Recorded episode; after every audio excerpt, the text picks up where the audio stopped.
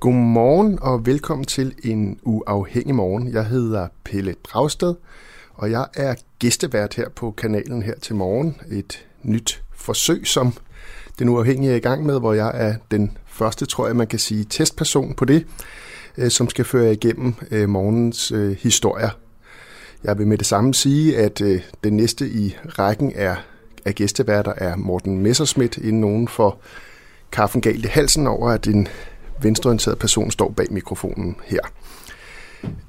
Jeg glæder mig til at være gæstevært. Øh, jeg er jo ikke journalist, og har aldrig stået på den her side af, af den her pult med en masse knapper, jeg skal prøve at, at styre her i løbet af morgenen. Så bær over øh, med mig, både med tekniske fejl og med journalistiske svagheder. Du kan som altid øh, blande dig i debatten. Øh, det kan du gøre på ved at finde os på Twitter, øh, i Facebook eller ved at sende en sms til 1245. Så skal du skrive DUAH, et mellemrum, og så din besked. Øh, du kan også støtte kanalen som støttemedlem for 39 kroner per måned på duah.dk.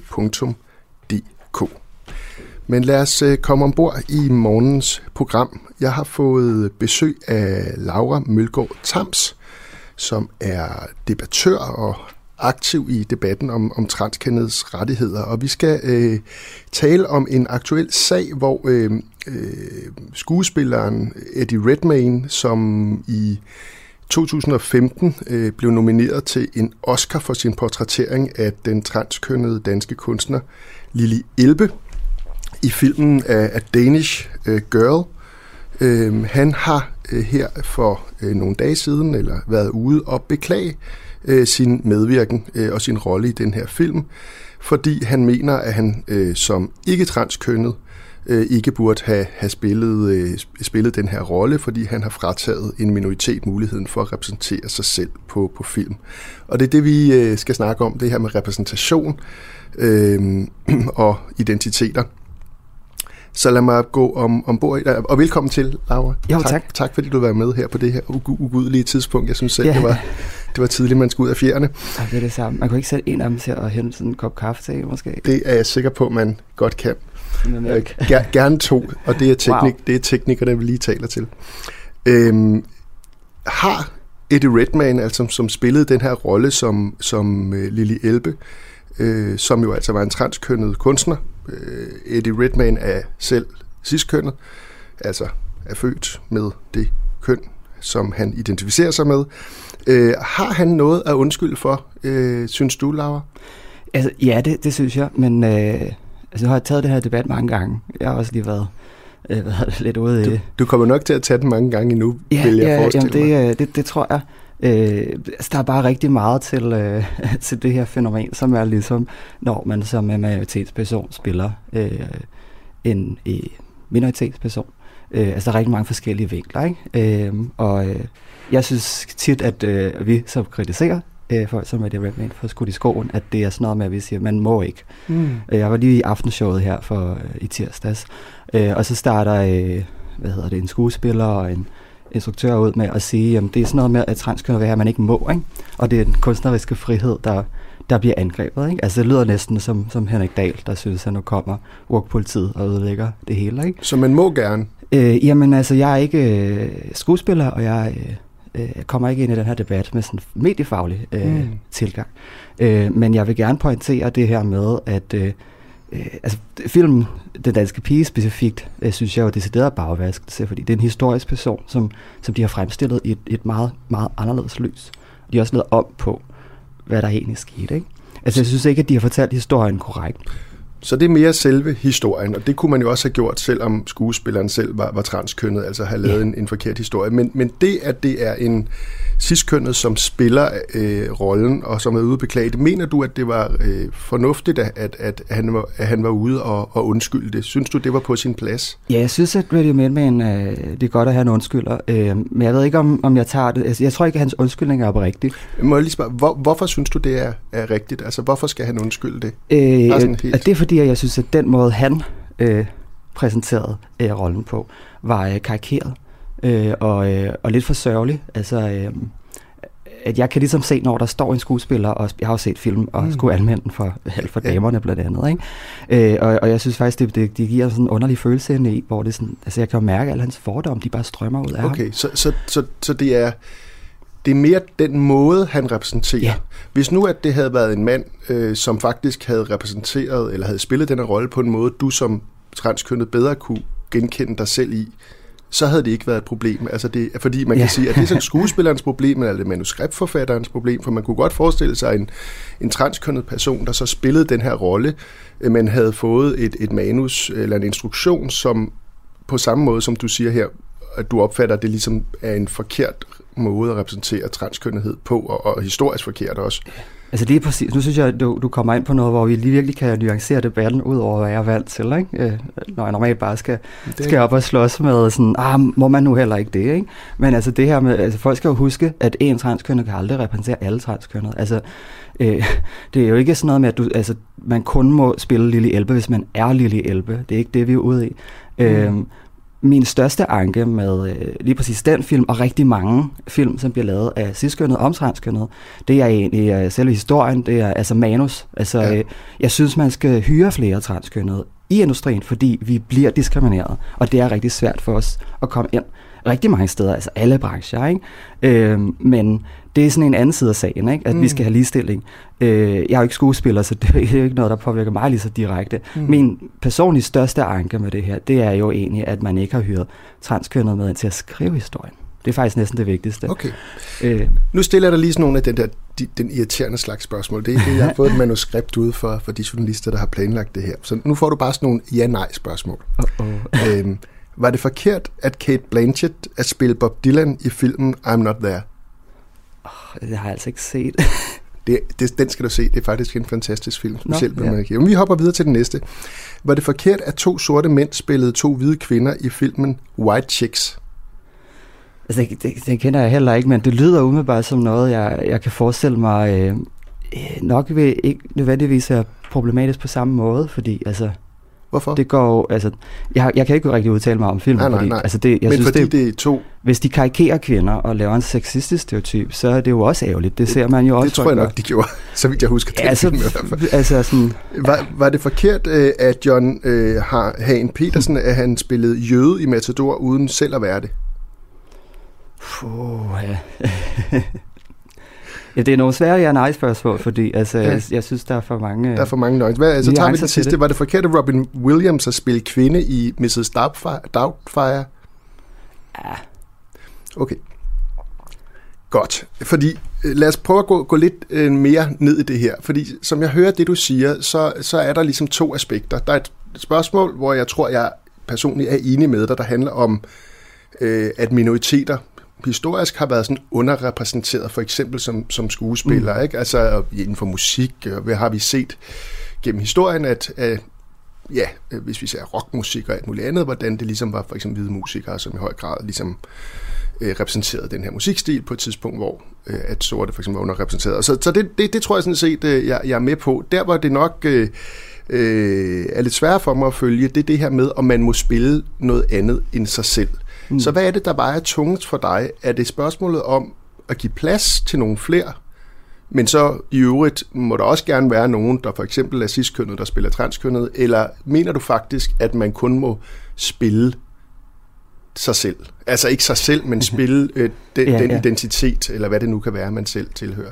Jamen, altså jeg har jo fået øh, altså, den her, skal vi sige, anke flere gange, hvor folk også siger, skal så hyre en seriemorder til at spille seriemorder, ikke?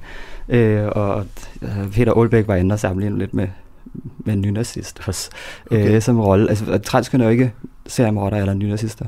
Øh, så, så det er lidt, altså jeg synes, det er lidt en anden ting, man altså, kan sagtens hyre en transkøn til at spille, men jeg er ikke så interesseret i det der må, må ikke spørgsmålet, men jeg vil måske mere sige, altså prøv lige at gøre det. Altså prøv at høre nogle transkønnede til at lave det her, fordi jeg tror bare, at øh, der vil komme nogle meget mere interessante historier ud af det. Mm. Øh, altså øh, vi har noget at byde på her. Vi har vores egne historier at fortælle. Vi har vores egne perspektiver, vi kan tage med ind. Altså en skuespiller er jo ikke bare en robot, der følger det manuskript, der er blevet lavet. Skuespilleren har også påvirkning på det kunstneriske projekt, der kommer til at være mm. det. Ikke? Øh, altså, men, men skuespillere spiller vel næsten altid roller, som de ikke selv har været. Altså ja. hvis man spiller i en krigsfilm, øh, for eksempel, så er det de færreste skuespillere, der selv har været ved fronten og kender til den øh, altså, øh, forfærdelige ja, oplevelse, klar. man har der. Øh, spiller man... Øh, altså, ja, er, er, det ikke en, er det ikke et mærkeligt præmis, at man ligesom selv skal have øh, de, de her oplevelser eller de her erfaringer for at kunne... Altså, altså, altså hele ideen i. dramatik ikke ligesom at kunne repræsentere andre end jo, sig selv. men altså, jeg, jeg er så enig med dig. Det er en mærkelig præmis. Ja. Og øh, det er også derfor, jeg kalder det for et stråmandsargument, fordi det er ikke det, som de fleste af os, der, der, der rejser den her øh, kritik, faktisk er ude i at snakke må, må ikke. Altså, når jeg siger, øh, altså, så forestiller jeg, altså, hvor, hvor, hvor interessant det kunne være, ja. hvis man faktisk tog en med. Og, og det er ikke altid, man lige kan finde en, der har, selv har været i krig der kan spille en karakter, som skal være i krig. Men hvis du kunne, altså vil det ikke også være interessant for, for instruktøren at, at prøve at, at, at arbejde med sådan en person? Der, fordi altså, man tager jo stadigvæk en personlig erfaring med ind i sit arbejde. Mm. Ikke? Altså, det, der er min største anke ved lige præcis Redman, det er, at jeg synes, at han ikke øh, er særlig god til at leve sig ind i øh, de roller, han, han, han spiller, når han tager de her roller. Okay. Og der, det er ikke fordi, at øh, men aldrig må, men, men jeg synes måske, at de øh, gør det lidt for, for ofte, lidt for naivt, uden at sætte sig nok ind i det. Øh, og så er der selvfølgelig... Så det er altså, en dårlig skuespilspræstation, kan man sige, mere end det handler altså, om du, identiteten. Ja, nu siger jeg bare som, som transkønnet kvinde, der selv ja. har et liv, der kunne minde lidt om, om Lille Elves, at øh, jeg er bare ikke særlig imponeret over. Altså sådan, prøv at høre, det også det handler om. Ja. Men vi siger, at det virker flat. Altså det, mm. det er en flad karakter. Ikke? Okay. Det, og, og det kan så både skyldes, bare lige for, det kan jo skyldes mm. selvfølgelig øh, en dårlig skuespilspræstation, et dårligt ja. manuskript, øh, og, og så kan det og det er jo det, der er... Og det kunne en transkønnet skuespiller også sagtens ja, have gjort præcis, dårligt. Godt. Altså, ja, okay, ja. det synes jeg er en vigtig nuancering. Den her debat mm. om, om, omkring det her med, hvem der må repræsentere hvad, den går jo lidt ud over skuespil. Altså, vi har haft en række eksempler, jeg kan, jeg kan nævne nogle af dem. Der var diskussionen om om den amerikanske poet Amanda Gorman, altså hende, som holdt tale ved, ved Bidens øh, indsættelse, øh, da hun skulle oversættes øh, til andre sprog, så var der en debat i Holland blandt andet, fordi at en kendt ung øh, poetry slam-aktivist der havde oversat, som var hvid. Øhm, øh, og det var der så en kritik af. Jeg, kan, jeg tror, at måske endda forlaget trak det tilbage, eller i hvert fald blev opfordret til det. Mm.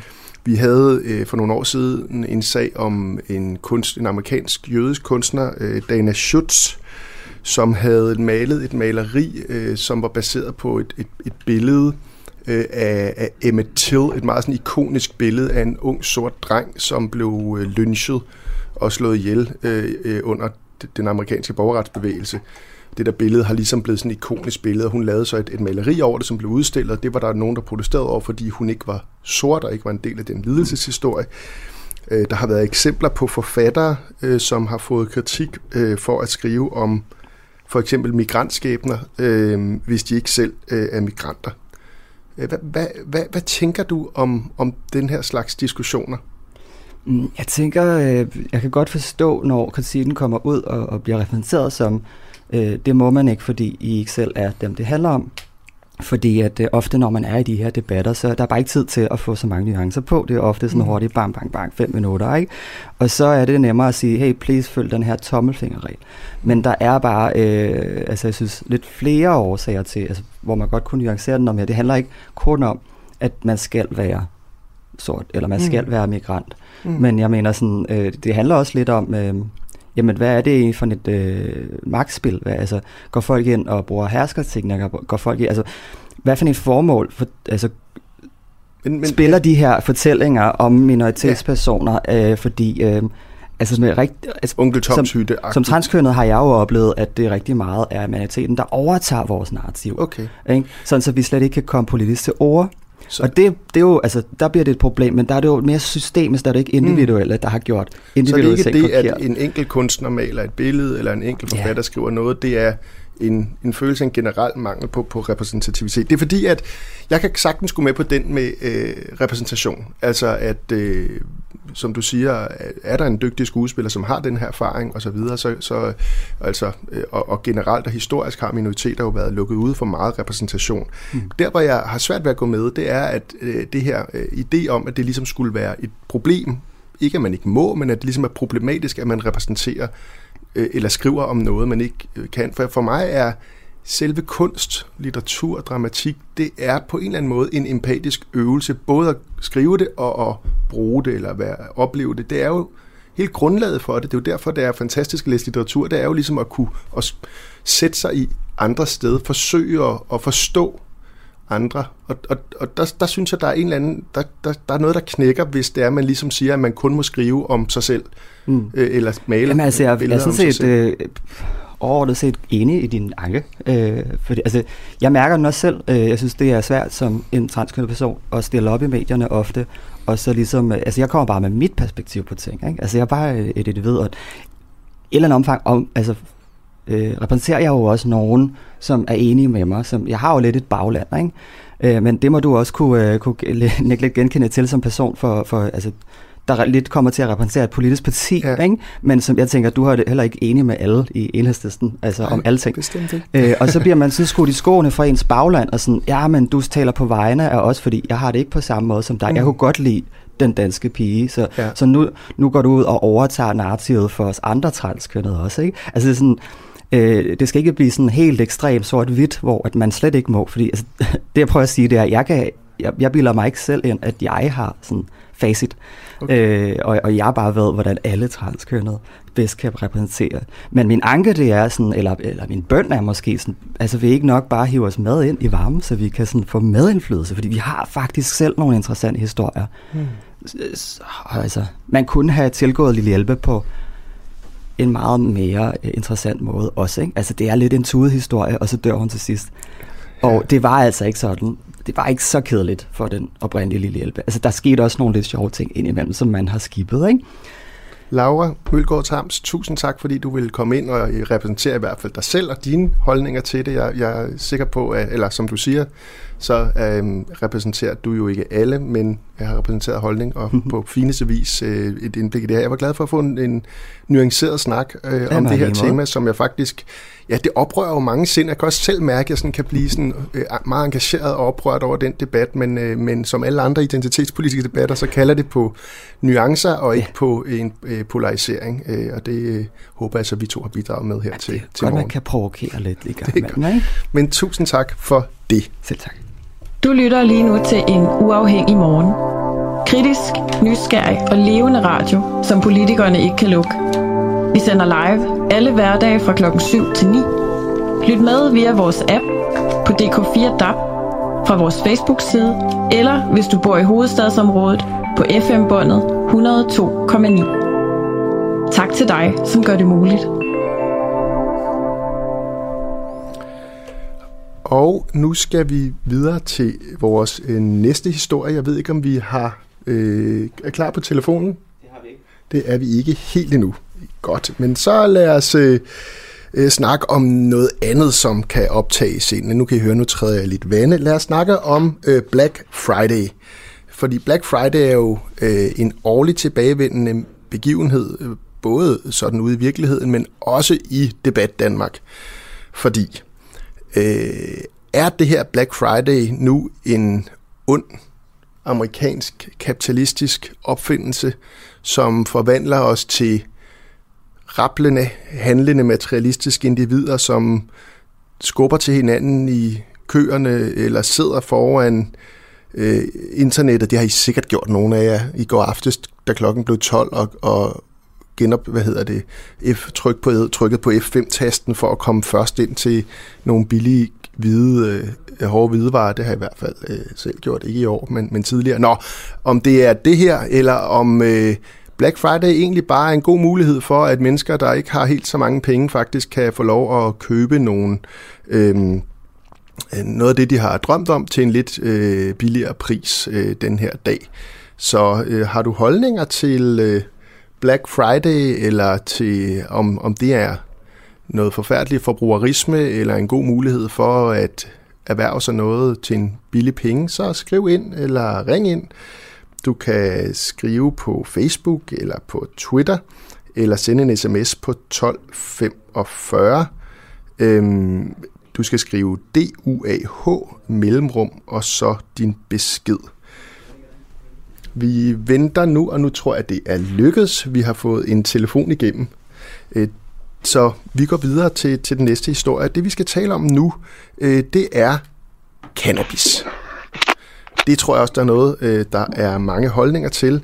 Det er nemlig sådan, at i går, øh, der øh, øh, besluttede, eller kom den tyske nye kommende regering med et fælles regeringsgrundlag, og en af de ting, som de tre partier, altså SPD, øhm, de grønne og de liberale er blevet enige om, det er, at Tyskland skal legalisere køb af cannabis, som man fremover skal kunne købe i særlige butikker, ligesom man gør i Holland. I Danmark, der er det jo, som de fleste vil vide, forbudt at handle øh, cannabis. Der skal man ud på det sorte marked, øh, på Christiania eller andre steder, for at købe sig en klump. Øh, dog har vi haft et forsøg med det, man kalder medicinsk cannabis, øh, som altså, øh, hvor altså læger har koordineret cannabisprodukter, øh, øh, for, som behandling for, for eksempel til smertepatienter og andre. Og spørgsmålet er, øh, hvad for nogle erfaringer vi har der, og om den... Øh, om det er noget, som, som kan gøde jorden for et egentligt, øh, for at følge i Tysklands fodspor og legalisere cannabis også til det, man kunne kalde fornøjelsesbrug. Og for at blive klogere på det, der har vi Peter Leutcher med på en linje. Godmorgen, Peter. Godmorgen. Du er overlæge på Regionshospital Nordjylland og medstifter af noget, der hedder Klinisk Cannabis Forum. Øhm, og, og du er altså en af dem, som jo i den her mangeårige debat har slået til lyd for, at øh, det var en god idé at bruge øh, cannabis øh, til, til, medic, øh, til medicinsk brug. Øh, hvorfor det? Øh, ja, det jeg har slået til lyd for, det var, at jeg synes, det var en god idé at undersøge effekten Øh, og dermed også bivirkninger til medicinsk cannabis, øh, i erkendelsen af, at vi har mange patienter i Danmark, øh, som, øh, som øh, har øh, alvorlige øh, kroniske smerter, øh, og øh, som ikke har tilstrækkelig effekt af den konventionelle øh, medicinske behandling, og eller de har bivirkninger til den. Og når jeg siger konventionel medicinsk behandling, så er det blandt andet sådan noget som morfin, der bliver, der bliver brugt til de her patienter. Det ved vi, at det er, øh, det er, altså noget, det er altså noget medicin, som har nogle, nogle udtalte bivirkninger, og som ikke virker på alle patienter. Jeg synes, det fra et lægeligt synspunkt har været interessant at se, om man eventuelt kunne bruge medicinsk cannabis som et supplement til den øh, almindelige konventionelle behandling. Og nu har vi nu har det forsøg så kørt i en årrække, jeg tror det er vel en 3-4 år eller sådan noget. Øh, og, og hvad er de forløbige resultater? Altså har det vist sig, at, at cannabis er, øh, øh, hvad hedder det, øh, er en god øh, medicin? Ja, altså det må man sige, øh, det har vi efterhånden. Vi arbejder meget med det, der hedder evidenspyramiden. Det vil sige, at vi bruger forskellige studier til ligesom at underbygge, er der noget, der der giver evidens for, for, for at tænke øh, cannabis ind i den fremtidige øh, hvad skal man sige, strategi for symptomlindring. Jeg skal sikkert sige, at det er ikke kun i forhold til, til smerter. Vi ved også, at sklerosepatienter har god gavn øh, i forhold til deres spastiske muskeltilstande. Vi ved også, at der er visse grupper af patienter med epilepsi, der har god brug af det. Men vi arbejder med den her evidenspyramide, og, øh, og der må man nok sige, at øh, forsøgsordningen som sådan, som den har fungeret, har ikke rigtig kunne give os svar på det, fordi den har ikke rigtig fungeret ordentligt. Den har præmisserne for den har ikke fungeret tilfredsstillende, som det var tiltænkt. Eksempelvis har der manglet en behandlingsvejledning til lægerne, og man har heller ikke lavet en systematisk indsamling af, af data, som jeg kan analysere på, og endelig så har der ikke været de produkter til rådighed, som det har været planlagt. Hvorfor, Hvorfor har man ikke gjort det, når Folketinget har besluttet det?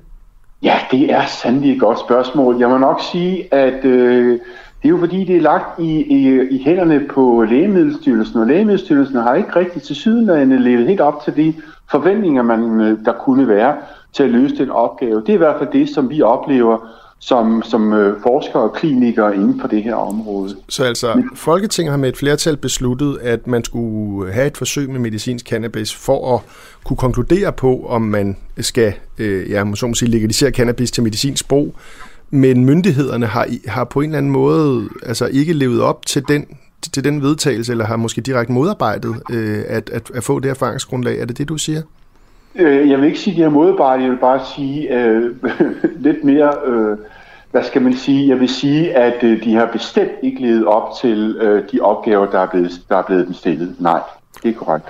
Og det betyder, og det, at når politikerne på et eller andet tidspunkt skal tage stilling til, om man skal have en permanent øh, legalisering, øh, så, øh, så har de ikke noget godt grundlag at gøre det på. Det lyder jo bekymrende.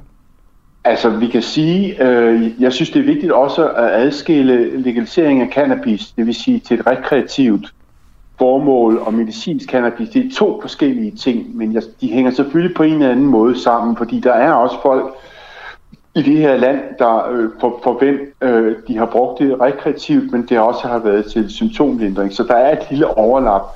Men, men, men for mig som, som forsker og læge har det primært været en interesse for at vide, om vi kan hjælpe nogle af de her smertepatienter i Danmark med ja, det her. Det er helt med. Vi kan lige vende tilbage til det med det øh, rekreative øh, brug. Øh, men, øh, men, men mener du, at, øh, at politikerne, hvis det her, jeg kan ikke huske, hvornår det er, det skal øh, evalueres, øh, øh, at, at de på det grundlag, der foreligger, kan tage en, en, en oplyst stilling til, om man fortsat skal bruge øh, cannabis til medicinsk brug? Altså, jeg mener, at det, man har gjort nu, det er jo, man har, har, man har gjort det, at man har forlænget den oprindelige forsøgsordning. Den er kørt fra 2018 til udgangen af det her år her. Nu har man så besluttet sig for i kendelsen af, at man har ikke fået det ud af forsøg, første forsøgsfase. Øh, altså har man forlænget den yderligere fire år. Men der er ikke meget, der tyder på, som jeg øh, øh, læser det på vandrørene, at... Øh, at der, der, der sker væsentlige forbedringer i forhold til lægemiddelstyrelsen, og det må, man, det må man virkelig dybt beklage, så jeg er bange for, at der kommer til at gå fire år endnu, hvor man ikke bliver meget klogere. På trods af, at det er noget, politikerne gerne har ville, at vi bliver klogere på. Godt. Øh, lad os prøve at tale om det, du selv var lidt inde på. Øh, det er selvfølgelig ikke noget, du er ekspert i, men øh, indtil videre i Danmark har diskussionen, eller har vi jo kun taget et skridt, der har handlet omkring medicinsk cannabis. Nu oplever vi, at vores øh, store nabo i syd øh, faktisk vil legalisere i generelt køb af cannabis, altså som både kan anvendes til medicinsk brug, øh, men altså også rekreativt eller til fornøjelse, kunne man sige. Øhm, jeg kan jo personligt se mange fordele øh, af det her. Jeg har øh, i mange år været tilhænger af en legalisering af cannabis. Altså både det her med, at man får adskilt det her relativt milde øh, øh, stof, eller hvad man kan sige det, fra, fra hårde stoffer på, på markedet, hvis man, som man jo blandt andet unge mennesker kan risikere at blive tilbudt, hvis de skal købe øh, hash på det sorte marked. Men selvfølgelig også for at, at stoppe den her øh, jo ret omfattende industri, øh, som jo findes, altså som er sort, og som jo finansierer bander og rockere og alle mulige andre kriminelle. Øh, og, og de penge, som der tjenes på det her, kunne jo sådan set skæbe godt i, i statskassen. Det er jo det, de siger i Tyskland, at de vil faktisk finansiere en god del af deres grønne omstilling, blandt andet gennem indtægterne for et offentligt salg af, af, af cannabis. Øh, hvad er ulemperne, tænker du, ved at øh, legalisere cannabis generelt? Øh, det eneste, altså nogle af de ting, der, der ligesom slår mig i det her, det er, at øh, der er en gruppe af, øh, af borgere, som jeg er bekymret for i forhold til digitalisering. Og det er unge mennesker.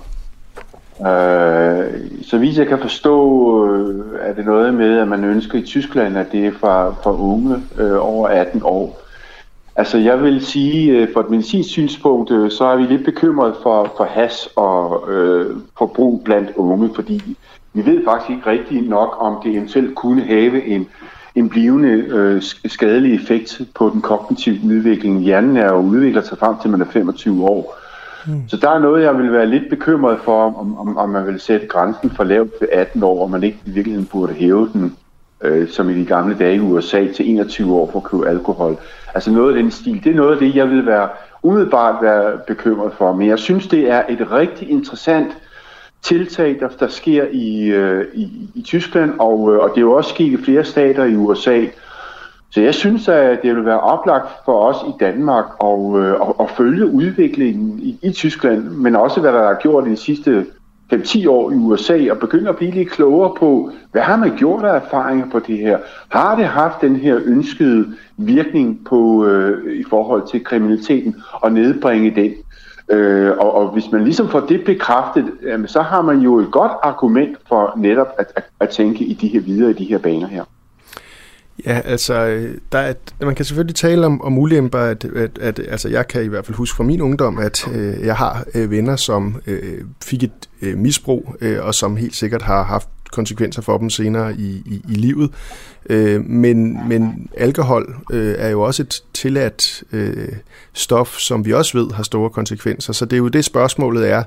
Øh, og spørgsmålet er jo også, om flere vil begynde at bruge øh, cannabis, altså ryge has, øh, hvis det er, at øh, det bliver legaliseret, eller om altså det er jo ikke svært øh, i dag øh, at få adgang til øh, på det sorte marked, så, så spørgsmålet er, om, om det vil have den konsekvens. Vil din vurdering være, ud fra din faglighed, at en legalisering vil føre til et større brug af cannabis end i dag? Jamen igen, det, det ved vi jo faktisk ikke. Det vil jeg ikke kunne sige noget om, men jeg synes, det er, det må man jo kunne efterhånden have nogle data på de her amerikanske stater og i, øh, i, i for så vidt også i øh, det, der kommer til at ske i, øh, i Tyskland. Man, man kan gisne om det, men, men vi ved det faktisk ikke. Men du har da fuldstændig ret. Det er jo, det er en pusseløjelig, øh, hvad skal man sige, øh, kultur, vi har her, at vi tillader unge, så at sige, at vi udklækker potentielle alkoholikere i en tidlig alder, øh, men vi har et massivt alkoholforbrug og til tider misbrug blandt unge mennesker. Øh, og og, og det, det, det ser man sådan set igennem med fingre ved, og så øh, lader man, er man meget, meget opmærksom på has øh, og de mulige konsekvenser, det kunne få. Jeg synes, det er to sider af samme sag i virkeligheden, så som de også gør i Tyskland, der har de jo så tænkt sig, at det her skal ligge ind under rammerne for en eller anden form for, for faglig vejledning. Altså der skal følges med, øh, når, når man indløser, når, når man kommer i, i, de, i de her øh, butikker, at der, der skal være en god vejledning med. Det er der jo ikke for alkohol i dag. Der kan folk jo bare gå, eller de unge mennesker bare gå ind i supermarkederne og, og, og, og fylde indkomstkurve, ikke? og så tage til, til fest. Ikke? Øh, og det gør, kan man så gøre weekend efter weekend. Så jeg synes, der på en eller anden måde er brug for at, at, at sammenkoble alkoholpolitik og, og haspolitik i et i forhold til at skåne vores unge mennesker for potentielt at udvikle misbrug af den ene eller anden eller begge dele.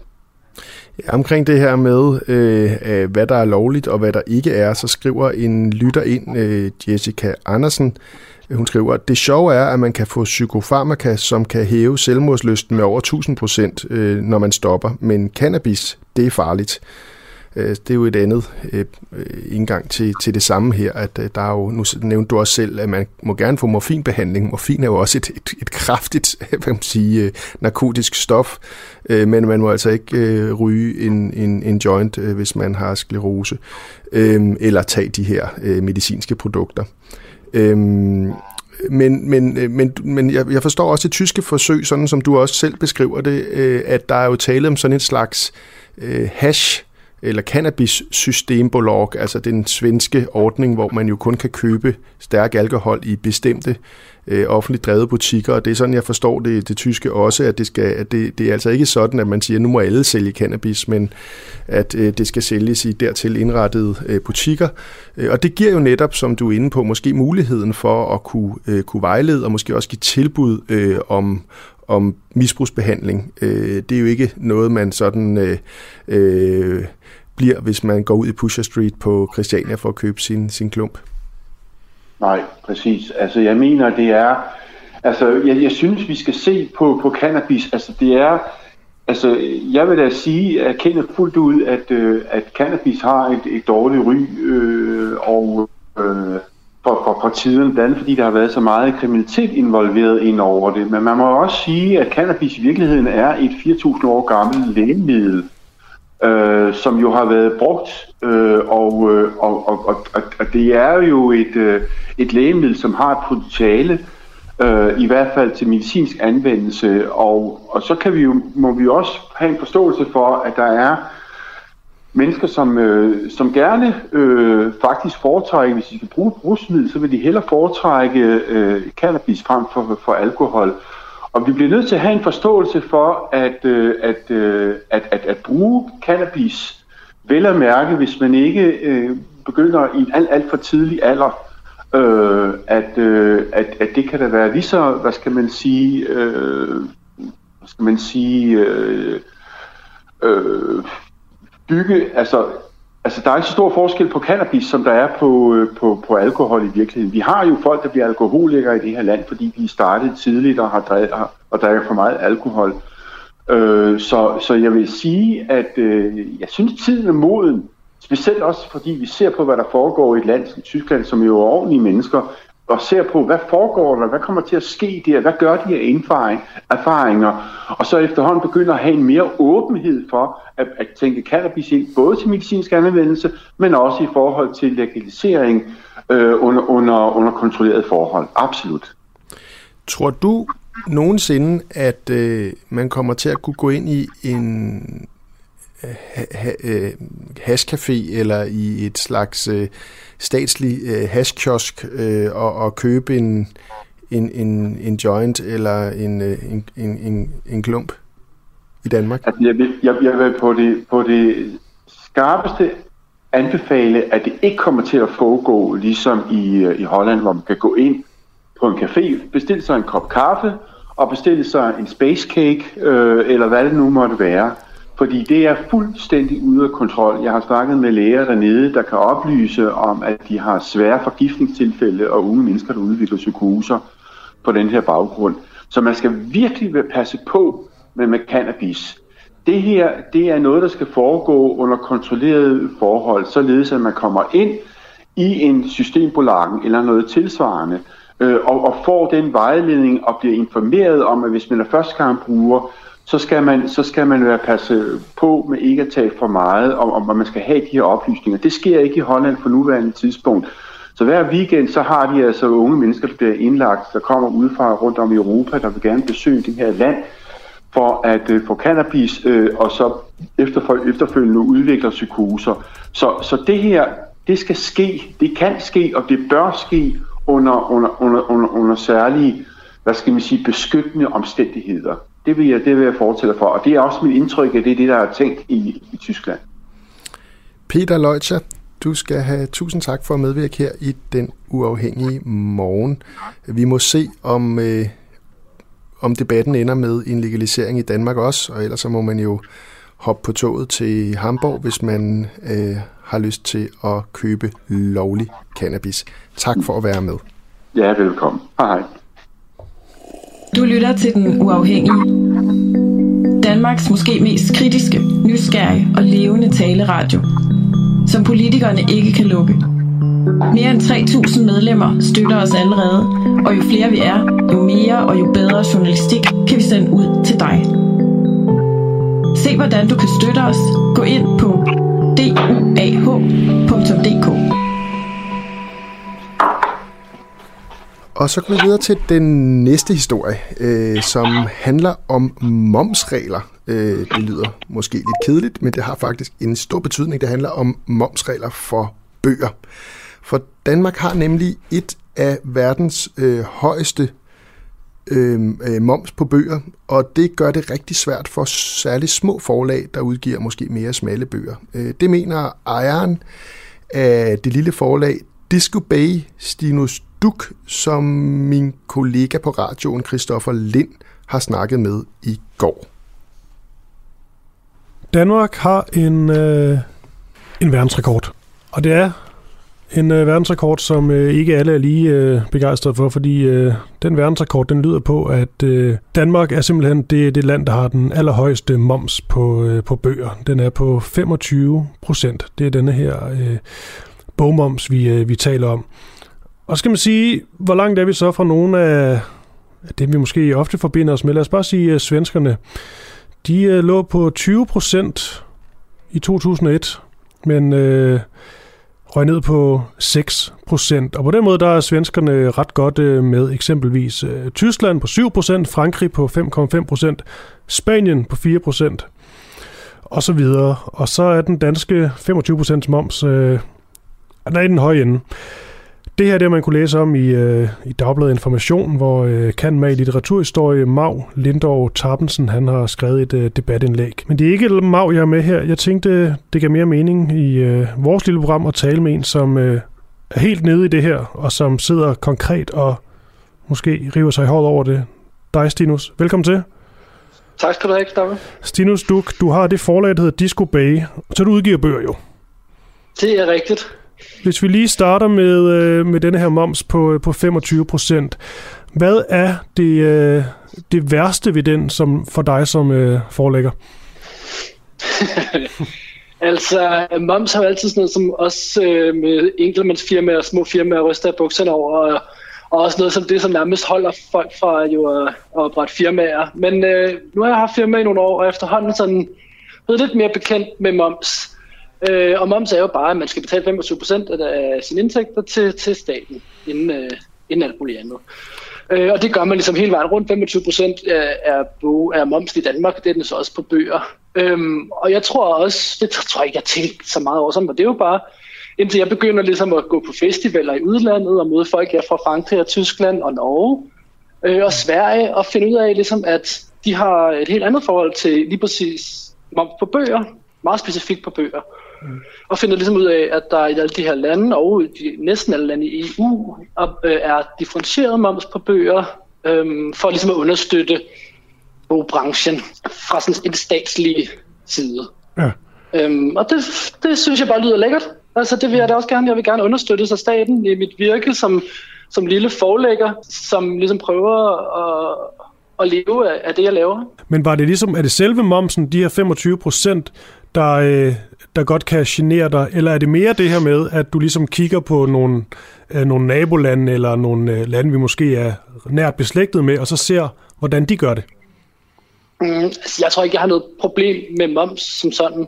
Det var mest, at jeg blev gjort opmærksom på, at det ser helt anderledes ud i, i, i resten af de europæiske lande, hvor man ligesom går ind og differentierer mellem ligesom moms på, hvad ved jeg, biler og computer, og så moms på bøger og der blev jeg så nysgerrig i forhold til, at man fra ja, samtlige, næsten samtlige EU-lande øh, har været inde og regulere øh, og understøtte øh, bogbranchen, og at vi overhovedet ikke har haft den her diskussion i Danmark. I hvert fald ikke, synes jeg, sådan mm. i den brede offentlighed. Øhm, og egentlig, hvad er argumentet for, hvorfor ikke i Danmark? Altså, man har gjort det i Norge, 0% mener jeg, Sverige, ja, Tyskland, Frankrig, alle andre lande. Mm. Øh, de lande, som ikke har reguleret eller hvad hedder det, differentieret det, de har bare en lavere moms end Danmark. Det er mm. derfor, vi har verdensrekord. Hvad er dit sådan øh, hovedargument for at sætte momsen ned på, øh, på bøger herhjemme? Jeg kan sætte bøgerne, altså prisen på bøger ned. Øhm, så er der måske flere, der kan købe bøgerne, men, øhm, men det kunne også være, at forlagene kunne have en større indtægt, altså en større maven af indtægt. Mm. Øhm, helt specifikt for mig, kan man sige, jeg laver fotobøger og kunstbøger, øhm, og sælger faktisk lige så meget til resten af verden, som jeg gør til Danmark. Øhm, og der er det jo så også der, jeg ligesom blev gjort opmærksom på, at der er nogle sådan, konkurrence skævvidninger mm. i forhold til øh, mit virke, fordi jeg er lokaliseret i Danmark, i forhold til et forlag i Sverige eller i Norge eller i Tyskland for den sags skyld. Jeg så, at, øhm, at danske forlag de, de opfordrede i sommeren øh, 2021, det er jo ikke så længe siden, kulturministeren til at reducere bogmomsen til 0 procent. Det, det lyder godt. det har man gjort i Norge og i 2019. Jeg synes jo, det lyder helt vildt. At 0, også fordi det går fra 25 til 0 procent, det, det er bare så, så markant. Men altså, altså, altså 0 procent, fordi så giver jo intet tilbage til staten. Det vil heller ikke være. Nej, men det er sikkert også bare et oplæg til debat. Men altså, Sverige gjorde det på 10 år siden, og det tror jeg var den gang, hvor alle snakkede om, øhm, ja, du siger 2001, ikke? Altså snakkede om, at om 10 år, der er bogbranchen død, der er ingen, der læser ting på papir med, hvad kan vi gøre ligesom, for at understøtte den her branche, fordi vi stadig som, du ved, som stat, som samfund, gerne vil have, at bøger findes. Øh, det kan vi gøre ved at, at, ved at differentiere momsen og sige, at ud af de penge, I tjener, skal I betale færre penge til, tilbage til staten. Mm. Hvis man ligesom taler for denne her, den denne her moms 25 procent giver god mening, så er der jo det i Danmark, vi jo slet ikke skal glemme, sådan noget som, øh, som kunststøtte. Og der vil man så sige, at momsen ligesom genereres tilbage til eksempelvis dit forlag via Kunstfonden, hvis du nu får, får, får støtte for den kvalitetslitteratur, øh, du leverer. Men Kunstfonden har jo heller ikke en pulje, som hedder øhm, øv, du skal betale meget moms øh, i Danmark. Her, her er nogle penge, altså du ved, man kan søge til, til et projekt, til en bog, og så kan man få støtte til den, ligesom man også kan søge alle mulige andre fonde, mm. som er i Danmark. Øhm, så, altså, så man kan jo ikke sige, at Statens Kunstfond kan gå ind og dække Mm, den moms, du skal betale. Altså det synes jeg måske er et fejlagtigt argument. Det er jo ikke mig, der, der, der er vært i dag. Det er derimod øh, øh Pelle Dragsted. Man kan sige, at han sidder måske ikke lige på en, øh, en taburet nu, hvor han øh, kan gøre noget, noget aktivt. Det er måske en anden, vi skal have, have fat i. Er det en Søren Søndergaard måske? Det, det er jeg faktisk lidt tvivl om. Men øh, hvad, hvad, vil du, hvad vil du sige til, til, til Pelle Dragsted, hvis vi ligesom skal lægge det op som sådan et oplæg til, øh, øh til, til debat, og hvad der rent faktisk øh, øh, kan gøres, også i forhold til, øh, til dine kvaler som øh, forelægger? Jamen, øh, til, til starten tror jeg bare, at sige tillykke med et godt valg også. Øh, til Pelle, men øh, og så vil jeg sige, øh, at jeg synes, at han øh, burde snakke med sine kollegaer, og så se, om der ikke var nogen, der kunne, kunne gå bag det her projekt med, om ikke andet i hvert fald at få en debat omkring differentieret moms. Den bliver altid slået lidt ned, synes jeg, fordi at, at der er mange andre brancher, der siger, åh, hvad med os, og åh, hvad med os, og det er også unfair for os og vores branche. Men lige præcis på bogbranchen, der synes jeg bare, man har et ret godt argument, fordi man kan sige, jamen vi er det eneste land i EU, eller i hvert fald det land i verden med højst øh, moms, og en af de få lande i EU, som ikke har differentieret vores moms om, lige omkring bøger. Ja, Øh, jeg tror, øh, det sluttede jo faktisk med et spørgsmål til dagens morgenvært her. Jeg hedder Pelle Dragsted for dem, der er startet med at øh, høre med. Øh, jeg er gæstevært i dag. Det er et, et nyt forsøg, som Den Uafhængige har, hvor forskellige gæsteværter øh, får lov at, at stå bag mikrofonen om morgenen, og jeg er så den første i rækken, og jeg kan berolige dem, der skulle have fået kaffen galt i halsen over sådan en venstresnået øh, lakaj her bag, øh, bag øh, mikrofonen, at næste gæstevært er en vis herr Morten øh, Messerschmidt. Men når nu der bliver rettet direkte spørgsmål øh, til mig omkring momsen, så vil jeg da gerne øh, lige hoppe ud af værtsrollen og ind i øh, den modsatte rolle og, og, og sige, hvad jeg mener om det.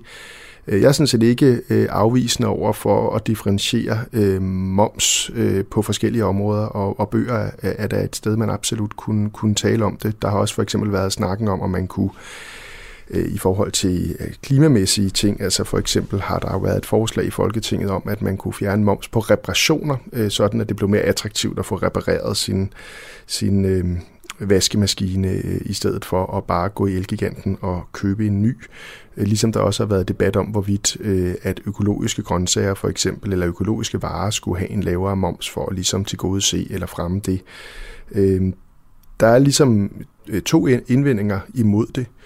Den ene, det tror jeg, det er sådan en lidt liberalistisk indvending, som, som øh, gæsten også var inde på, det er det her med, at øh, man ikke vil, altså man mener sådan set, at det, det skal markedet selv klare. Altså at øh, vi, staten skal ikke gå ind og tilgodese bestemte former for forbrug, øh, fordi det forvrider, øh, mener man, altså øh, den måde, man ellers ville forbruge på. Øh, og det gør øh, i sådan en liberalistisk eller neoklassisk øh, økonomisk analyse, øh, så er der et effektivitetstab, når man går ind og laver den slags forvridninger jeg er personligt ret skeptisk over for, for de her øh, antagelser om, at, at øh, hvis bare man overlader alt til markedet, så får man den perfekte allokering af, af varer, ydelser og investeringer i den slags. Det kommer nok ikke som nogen overraskelse, så det, så det synes jeg ikke er noget, er noget stærkt øh, argument. Øh, vi har jo øvrigt også øh, i dag øh, yderligere afgifter øh, ud over momsen, for eksempel på på biler. Øh, det har en historisk baggrund i, at øh, det er en importvare, som man gerne vil begrænse, fordi ellers så kunne det skade den danske betalingsbalance. Så, det, så vi har jo masser af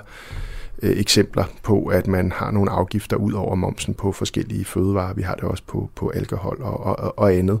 Så, så, så, så det vil jo ikke være så anderledes at, at differentiere i momsen. Det, der selvfølgelig er spørgsmålet, det er, hvad skal finansiere det? Altså, øh, fordi jeg tror jo, vi vil jo alle sammen gerne, hvis vi kunne vælge helt frit, betale så lidt i skat som muligt. Øh, men sagen er jo, at det er jo skatteindtægterne, der finansierer alt det, vi også er glade for. Øh, at vi kan tage på hospitalet, at vi kan aflevere vores børn i daginstitution, at vi kan få en uddannelse, øh, hvis vi er dygtige til det, uanset om vores forældre har penge eller ej, og alle de andre ting, som vores øh, skat finansierer herunder, som det også blev nævnt i indslaget, jo altså en ret betydelig støtte til til forfattere og kunstnere, som jo også er en forudsætning for at have et levende kulturmiljø og for at et forlag, øh, som, som det vi har hørt, Disco Bay, kan, kan, kan, kan udgive bøger.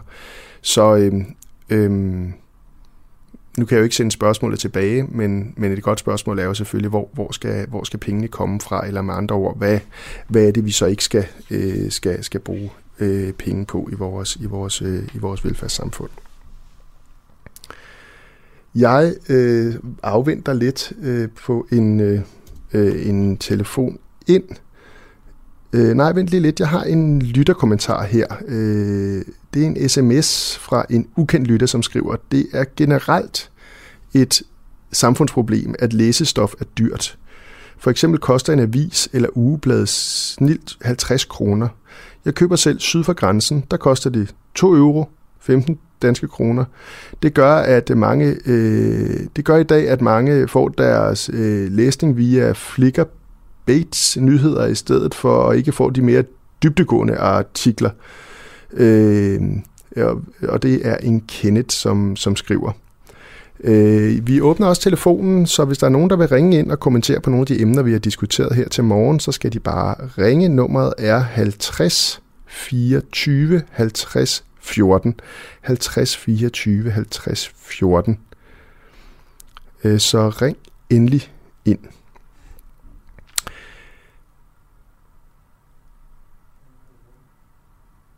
Jeg kan huske, at øh, netop den debat, som Kenneth henviser til om, om magasinmoms, også har været en stor debat øh, i Folketinget tidligere, fordi at øh, der sådan set er en form for diskrimination af, af danske magasiner i forhold til øh, udlandske på grund af de momsregler, vi, vi har.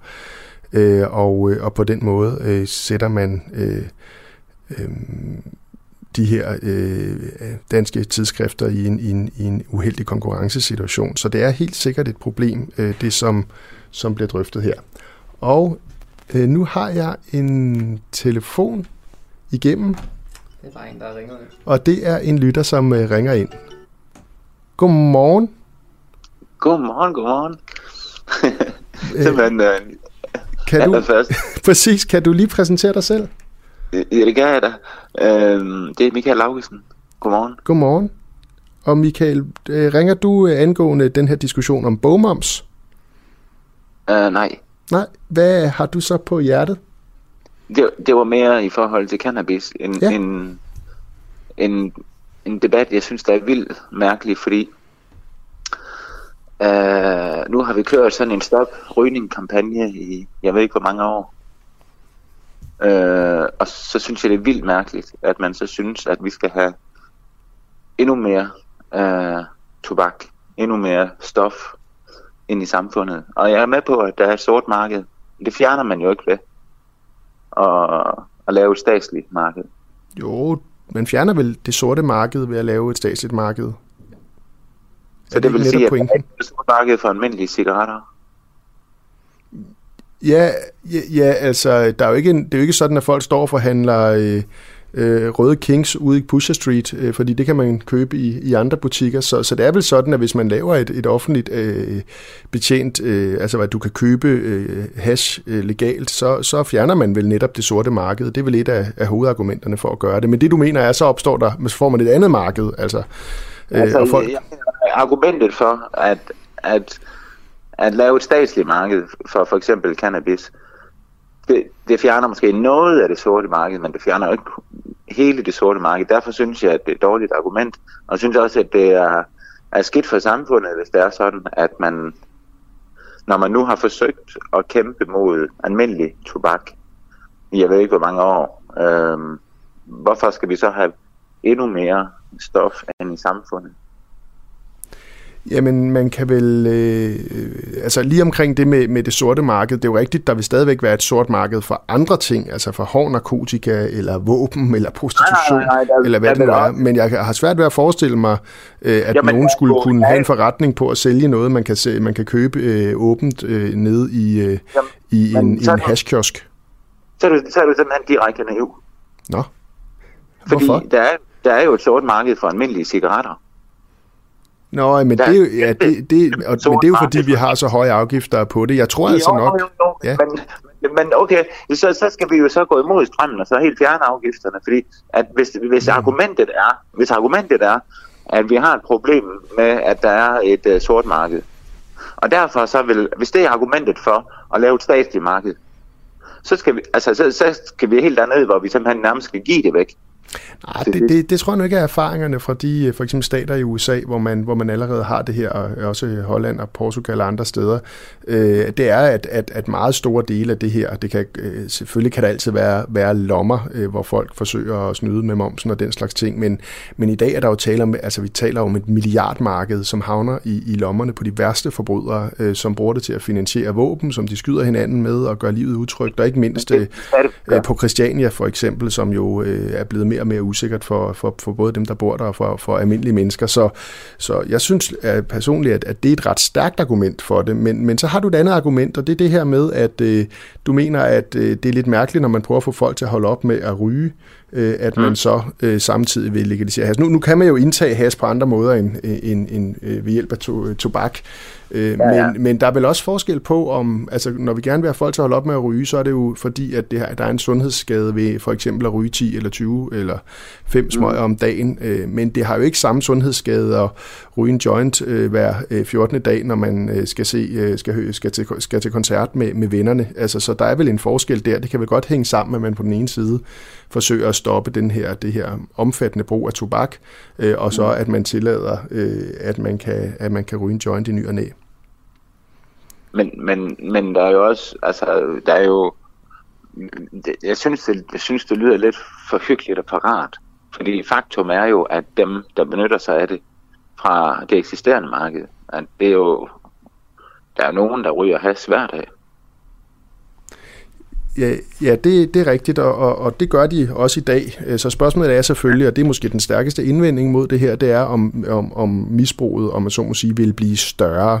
Og det er måske det, vi øh, skal sørge for, og der er jeg ikke ekspert, at indhente nogle erfaringer fra altså, i forhold til de lande, øh, i forhold til de lande, som har indført det. Så vidt jeg ved, er, er, er brugen ikke vokset, for eksempel i Kalifornien og andre steder, hvor man har, har introduceret det, det her.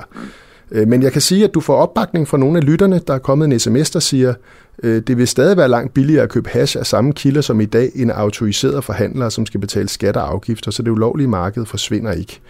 Øh, og en anden, der siger, selvfølgelig vil der være et frit marked, som man siger, jeg tror, han mener et sort marked for cannabis, ja. selvom det bliver legaliseret og skal sælges gennem statslige kanaler med afgifter og reguleringer. Så det, det er to, der bakker der op.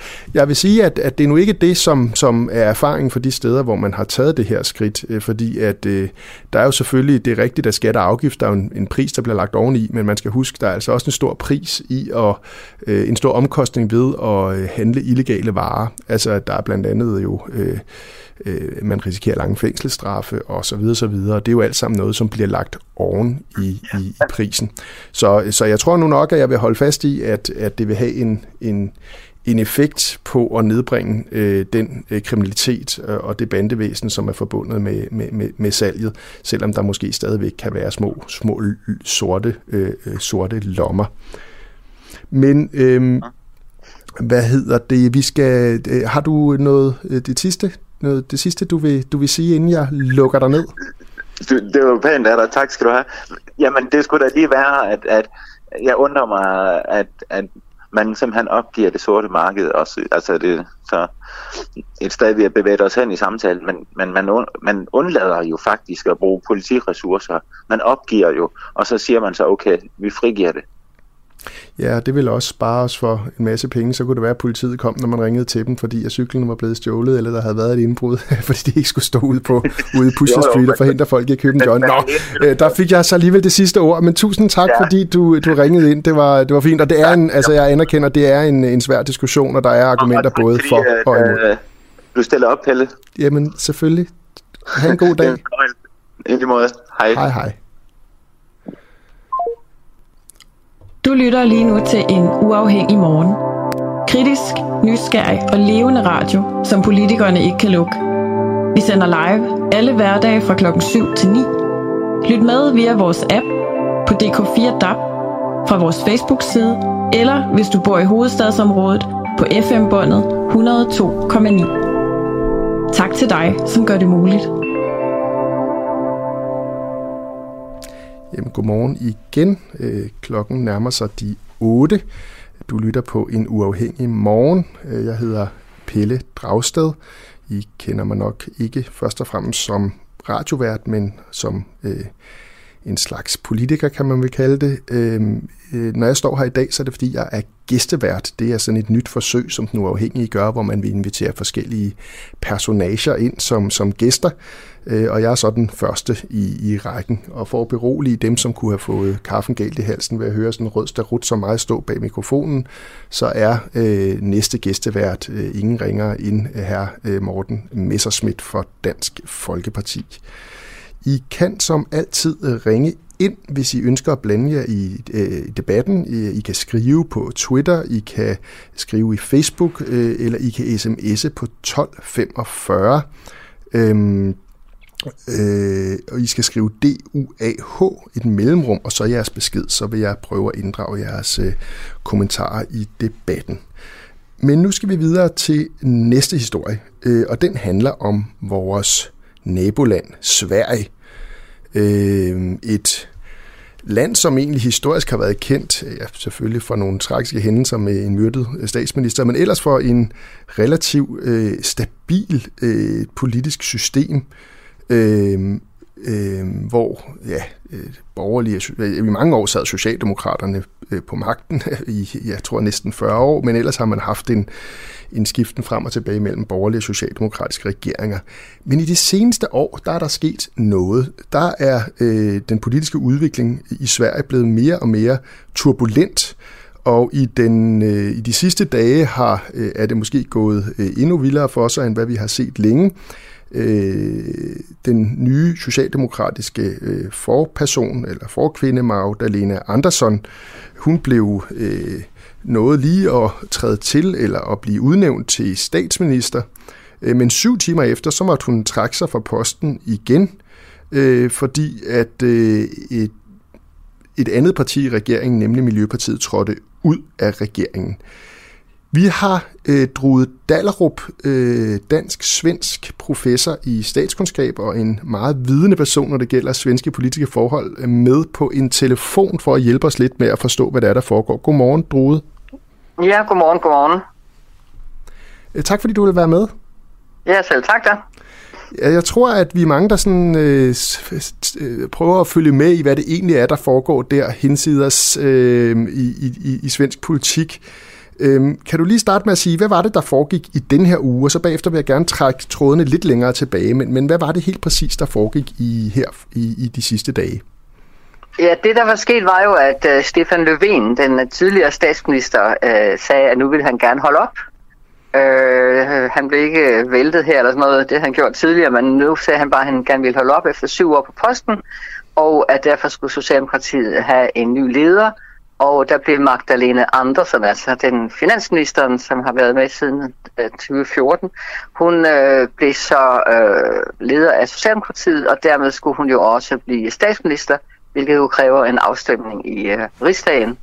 Øh, og den afstemning den foregår sådan, at man øh, ikke behøver at have et flertal for sig, man skal bare ikke have et flertal imod sig. Det er det, vi kalder negativ parlamentarisme. Altså lidt som i Danmark, her stemmer vi bare ikke, har det ligesom dronningen og hoffet, der skal vurdere, om der ikke er et flertal imod. Ja, men i Tyskland for eksempel skal du have et flertal ja. for dig, for at det bliver. Men her skal du bare ikke have et flertal imod sig. Og det er jo en mindretalsregering, den rød-grønne regering, Øh, og øh, det hører med til historien, at den også levede og levede pænt og roligt egentlig fra 14 til 18 i sin første periode.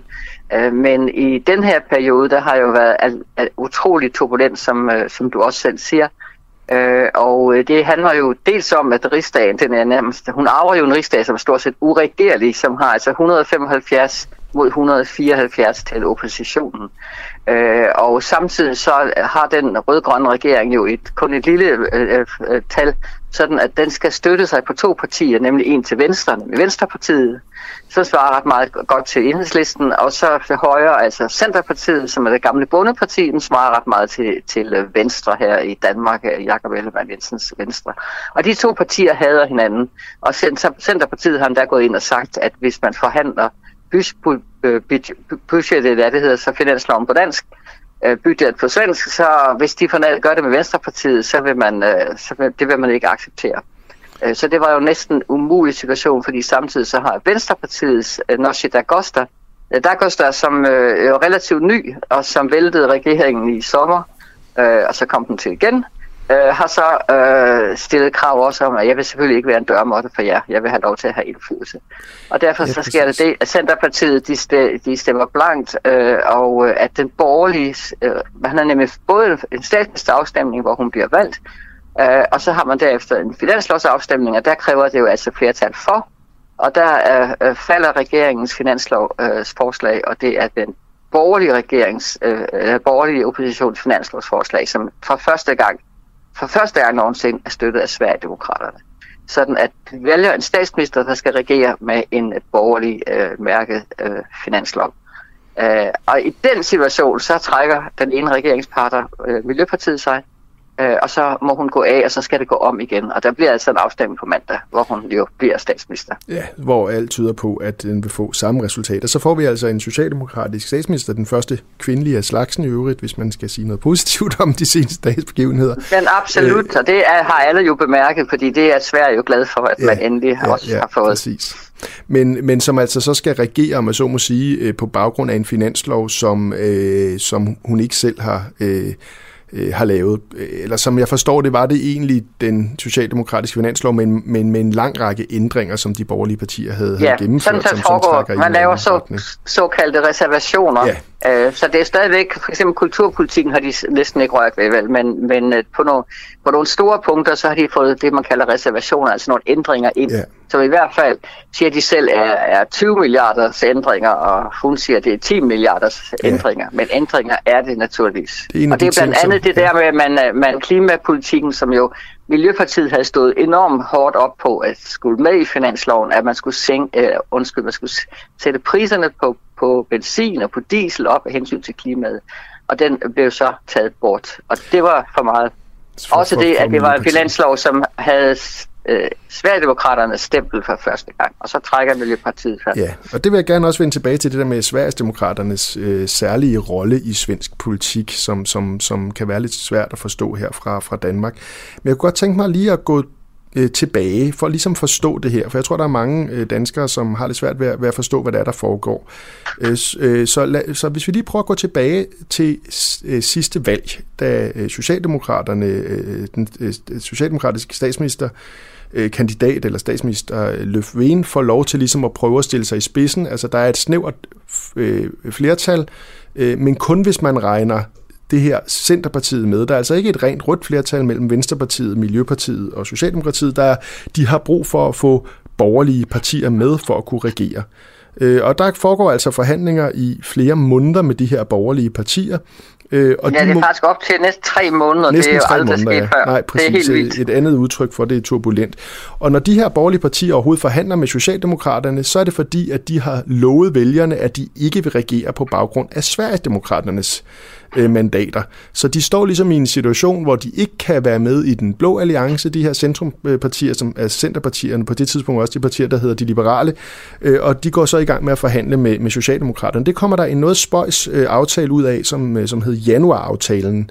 Øh, hvor ja, at, og den er på, på 73 punkter, præcis. og et af de mest kontroversielle er, der står, Uh, det står direkte på skrift, Venstrepartiet skal ikke få nogen indflydelse i den her mandatperiode. Præcis, og, og det lyder... Det er virkelig uh, utroligt, at man skriver noget, sådan, sådan noget ja. ind. Uh, Så, og jeg skal lige sige, ja. det var alle partier, der uh, til valget sagde, at de ikke ville regere med Sverigedemokraterne. Det er ja. altså bagefter, at Moderaterne og Kristdemokraterne har skiftet sted. Ja, og det vender vi lige tilbage til, hvad der kommer til at ske med, med, med Sverigedemokraterne. Men så, så det vi stod med, var altså en situation, hvor Socialdemokraterne lavede en aftale med øh, højre, eller borgerlige midterpartier, kan man sige, øh, som liberale indebar, partier, liberale partier, det, det er de to liberale ja, partier, ja. Som, ja, som, som indebar, at øh, regeringen skulle forpligte sig på at ikke overhovedet give nogen indflydelse til det andet parlamentariske grundlag, altså Venstrepartiet. Det vil have svaret til, at da Mette Frederiksens forståelsespapir blev lavet, at det kun var blevet lavet med det radikale venstre, og at der stod, at enhedslisten ikke måtte have nogen som helst indflydelse øh, på regeringspolitik. Det, det er jo svært at forestille sig, synes jeg, at, øh, at, at enhedslisten, eller for den sags skyld SF, vil have accepteret øh, det. Men det gjorde Venstrepartiet faktisk i, i Sverige. Øh, de accepterede at pege på en socialdemokratisk regering øh, i første omgang, selvom den eksplicit sagde, at, at samme parti skulle holdes uden for indflydelse. Øh, hvorfor det? Det er måske, det er måske, ja, det er måske lidt meget at sige, at de accepterede det. Øh, dengang var Jonas Høstedt, som var øh, leder af Venstrepartiet, og han var meget vred. Og han var meget vred. Men de lod regeringen han, komme igennem? Han sagde, at vi, kom, vi, han sagde, at vi har, ja, de lod regeringen komme igennem. Og, og det er også svært. Det er jo det, der gør det så svært for Venstrepartiet. Fordi alternativet er jo, at de så øh, lægger bolden over til, til højre siden. Øh, men han sagde, at der er nogle punkter, allerede dengang, der er nogle punkter, vi ikke øh, kan acceptere. Øh, blandt andet det der med, at husleje, øh, huslejerne, som er meget reguleret i det almindelige byggeri i Sverige. Ja, i alt byggeri øh, at, faktisk, ikke? Ja, jo, du har faktisk ret. Det var forkert. Ja. Det er i alt byggeri. Øh, at øh, det i hvert fald i det nye byggeri skulle, skulle gives fri at gå over til markedet. Det sagde han jo allerede faktisk allerede dengang, vi har ja. nogle røde linjer på det, og det var det, som øh, skete siden. Men han var, han var virkelig vred, ikke også? Men det var klart, at han var også afmægtig. Og, og det, situation. Ja, præcis. Og det, og det forstår man øh, jo, jo godt. Det, det må være meget mærkeligt at give sin øh, i hvert fald passiv støtte til en regering, som har som sit eksplicite formål at holde en uden for, uden for indflydelse. Og, og når Venstrepartiet gjorde det, som jeg forstår det, så var det jo fordi, at de også var gået til valg på at holde øh, Socialdemokraterne, øh, undskyld, Sverigesdemokraterne uden for indflydelse, og havde de ikke øh, støttet den her socialdemokratiske regering, jamen så havde de kunne blive beskyldt for, at det var endt med en borgerlig regering med, øh, med deltagelse, eller i hvert fald støtte fra, fra Sverigedemokraterne. Og, og det havde Socialdemokraterne selvfølgelig øh, læst, øh, og derfor vidste de godt, at det kunne Venstrepartiet ikke. Nå, men så går der altså øh, nogle år øh, i den her meget mærkelige øh, menagerie à droit, eller à kadre, skal måske sige, altså trekantsdrama ja. mellem, mellem regeringen og, øh, og, og Centerpartiet på den ene side og Venstrepartiet på den anden side. Og så er det, som du siger, at Venstrepartiet havde nogle røde linjer, og dem øh, blandt andet, at, øh, at de ikke ville acceptere nogle af de, øh, et par af de ting, der stod i den her i, i såkaldt januaraftale. For eksempel sagde de, at hvis regeringen gennemfører det, øh, som den har sagt, nemlig at den vil fjerne beskyttelsen af lejere øh, lejerne i nybyggeri, jamen så vil vi vælte regeringen. Og, øh, og, og, og det vil regeringen alligevel gennemføre, og, og Venstrepartiet gik ud og sagde, jamen hvis I gør det, så vælter vi regeringen. Det var der ikke rigtig nogen, der troede på. Øh, der, det, alle, hele kommentariatet i Sverige sagde, ja, ja, den er god med dem. Øh, vi, og, og, og, øh, men de gjorde alvor af det, og, og væltede Løfven, øh, og fik og på den måde, vi så sige, sige. skal, ja, det er rigtigt. For det første skal vi så sige, der var ligesom et punkt mere, som også er vigtigt. Øh, I Sverige har man den regel, at, at uh, sidst ind, først ud på arbejdsmarkedet. Præcis. Altså hvis der skal, uh, som jo vi ikke har i Danmark, som altså handler om, at hvis der skal ske afskedelser, så er det de ældre arbejdere, som skal beskyttes og ikke må komme ud. Og det står jo også, at den skulle laves om, fordi det har de liberale partier jo hadet lang, lang, lang, lang tid. Ja, ja. så har du ret. Det, der så sker i sommer, det er jo, at uh, så er der kommet en, en ny leder øh, Jonas Høster, der er trådt tilbage, og der er kommet en ny, ny leder, øh, Noshi Dagosta, øh, som jo er uprøvet, og, og så viser sig at være utrolig øh, kompetent, men også utrolig fast på, at den her stilling, ja, som hun selv siger, vi skal ikke være dørmåtte for dem. Yeah. Øh, og ingen havde troet det, men øh, det er faktisk sådan, at øh, de vælter øh, Stefan Löfven, øh, og øh, det er lidt den samme situation som nu, fordi han kommer jo tilbage, eftersom der jo ikke er øh, et flertal øh, på højre side. Der er stadigvæk 175 bag den regering, og der er 174, altså en mindre på den borgerlige side, inklusiv Sverigedemokraterne. Men så altså, han bliver ja. væltet, og så, kommer, så bliver han stemt ind øh, igen, og det var jo ret meget dramatisk. Det var ikke sket i nyere svensk historie. Nej, man kan sige, at det, der lykkedes Venstrepartiet med den manøvre, det var jo, om så må sige, få gjort op med den her januaraftale om, at de skulle holdes uden for indflydelse. Og en af de ting, som Venstrepartiet krævede nu for at pege på den nye svenske statsminister, det var jo en aftale, hvor det eksplicit fremgår, at der skal forhandles med alle partier i det parlamentariske grundlag øh, i den ja. her regering. Og det har Nushi Dagos der også lagt meget vægt på. Hun har sagt, jamen øh, en regering bliver selvfølgelig nødt til at forhandle. Man kan jo ikke øh, have et parlamentarisk grundlag, hvor man forhandler med den ene side, men, men ikke med den anden side. Altså det vil jo svare til, som jeg var inde på herhjemme, at en, re, at en regering ikke vil overhovedet forhandle med, med for eksempel Enhedslisten og SF, men kun med de radikale, og det er selvfølgelig uacceptabelt.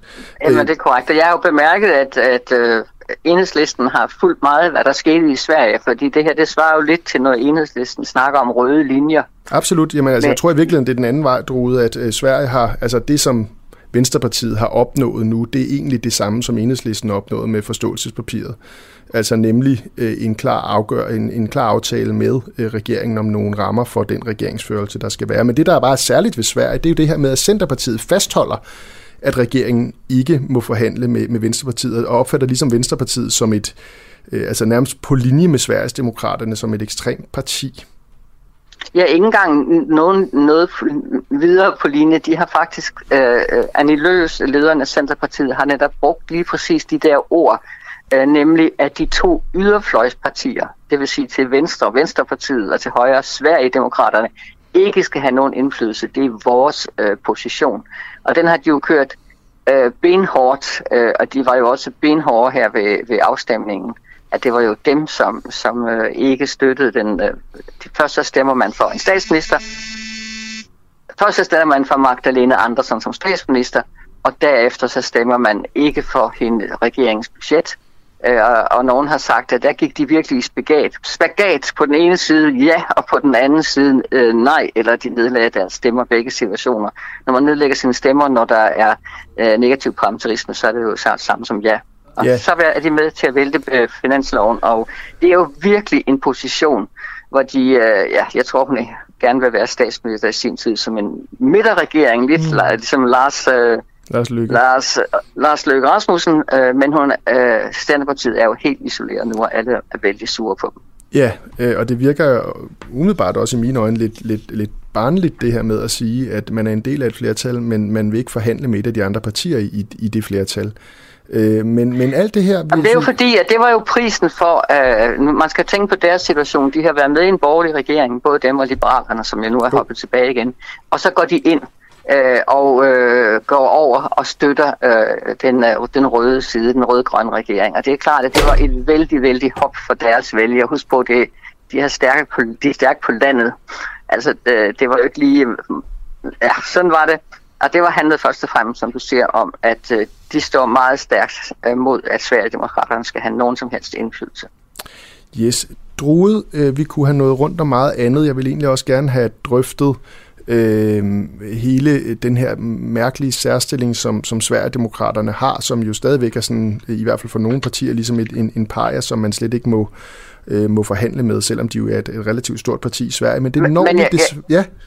Jeg kan bare sige det ganske kort. Det svarer bare til Dansk Folkepartis position, øh, før de kom ind i varmen. Det er ikke særlig specielt. Sverigedemokraterne har alle de rettigheder og regler med i den svenske rigsdag. Absolut. Men der var ikke nogen, der, de har bare ikke været med som, som støtte til nogen regeringer. Det svarer jo til, indtil Dansk Folkeparti kom ind i varmen og blev stuerene. Og det bliver spændende at se, hvad der sker. Der er jo øh, valg allerede i efteråret, øh, altså næste efterår, så vidt jeg husker, ikke? Og, øh, og det, september, det september, er faste valgdage. Og der kommer vi til at se, om, om, om Sverigedemokraterne for første gang så bliver, øh, om så må sige, normaliseret som parlamentarisk grundlag for en borgerlig regering, eller om det lykkedes øh, det her mærkelige øh, rød-grøn øh, blå, lilla øh, øh, koalition eller øh, samspilsret Nej, rød, grøn, blå er absolut begrebet, rød, rød, man bruger om de, okay. om de borgerlige. Ingen ja, blå. Øh, nej, nej. De, de, er, nej, de er faktisk arbejder med grøn.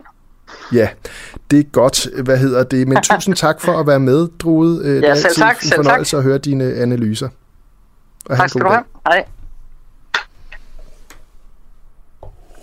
Du lytter til Den Uafhængige Danmarks måske mest kritiske, nysgerrige og levende taleradio, som politikerne ikke kan lukke. Mere end 3.000 medlemmer støtter os allerede, og jo flere vi er, jo mere og jo bedre journalistik kan vi sende ud til dig. Se hvordan du kan støtte os. Gå ind på duah.dk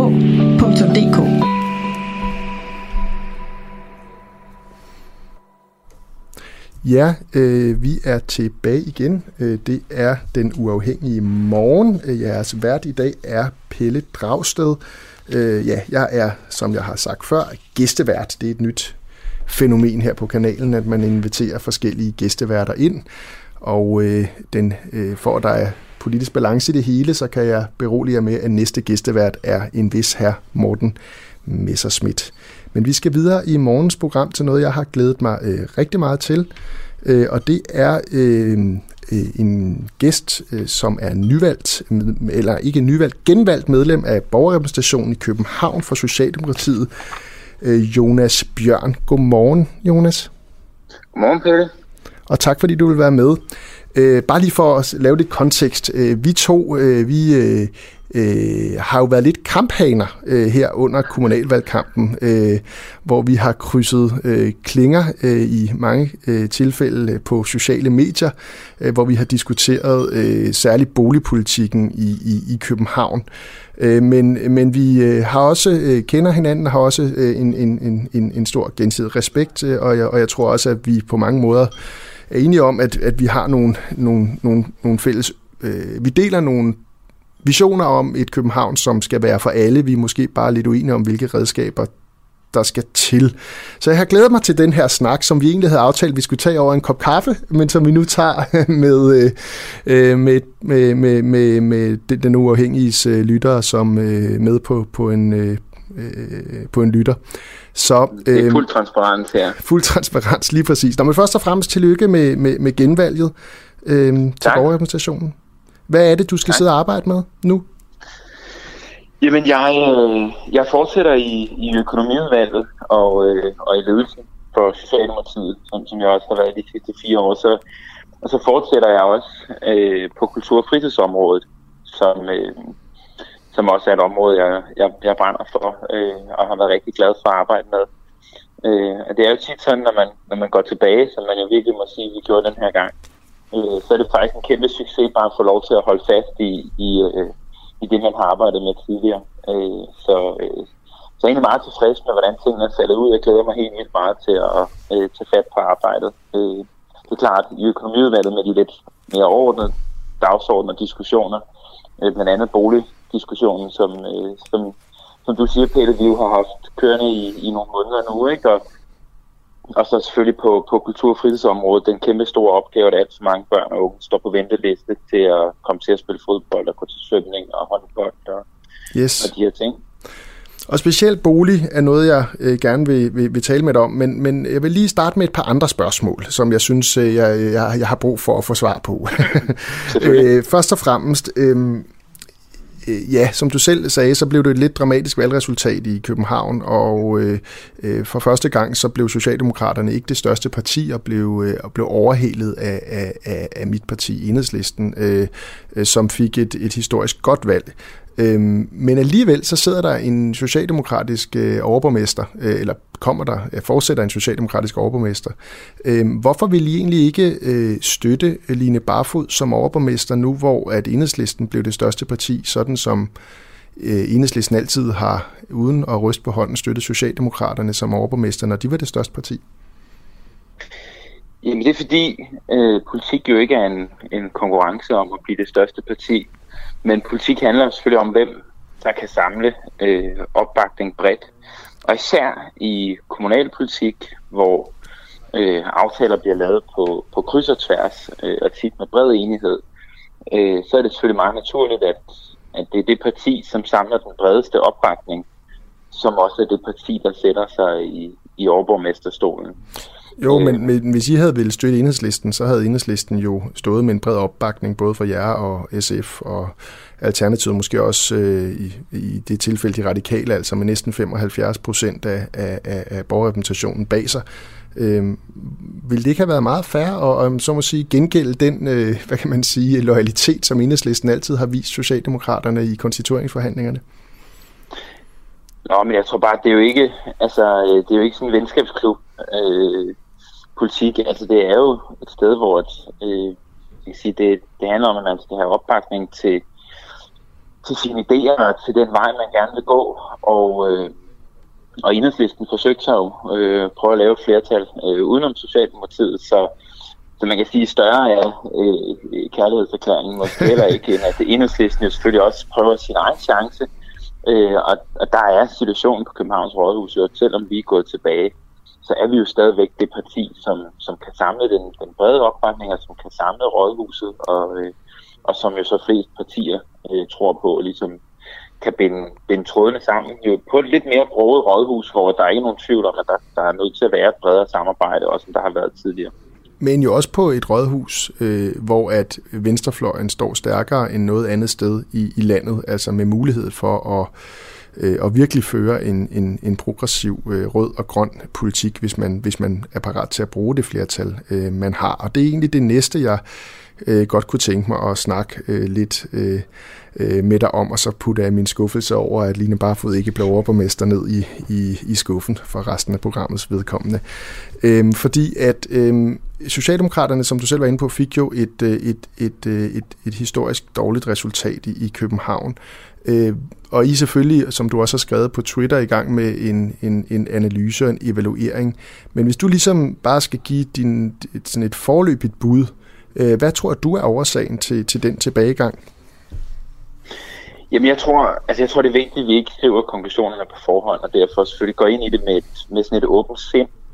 Øh, så det, det er bare lige for at understrege, at øh, de, de pointer, jeg kommer med nu, på ingen måde ligesom er sådan en udtømmende øh, yes analyse af tingene, men, men, men det er ligesom nogle, altså det er ligesom nogle, nogle, nogle ting, jeg har mødt øh, i valgkamper gennem de sidste måneder, og som jeg på en eller anden måde ligesom synes slår igennem i valgresultatet. Øh, blandt andet øh, tror jeg, øh, at øh, en del københavner har måske siddet tilbage i byen øh, og haft en oplevelse øh, af, hvor, hvor er deres politikere, hvor er rådhuset henne øh, i deres hverdag.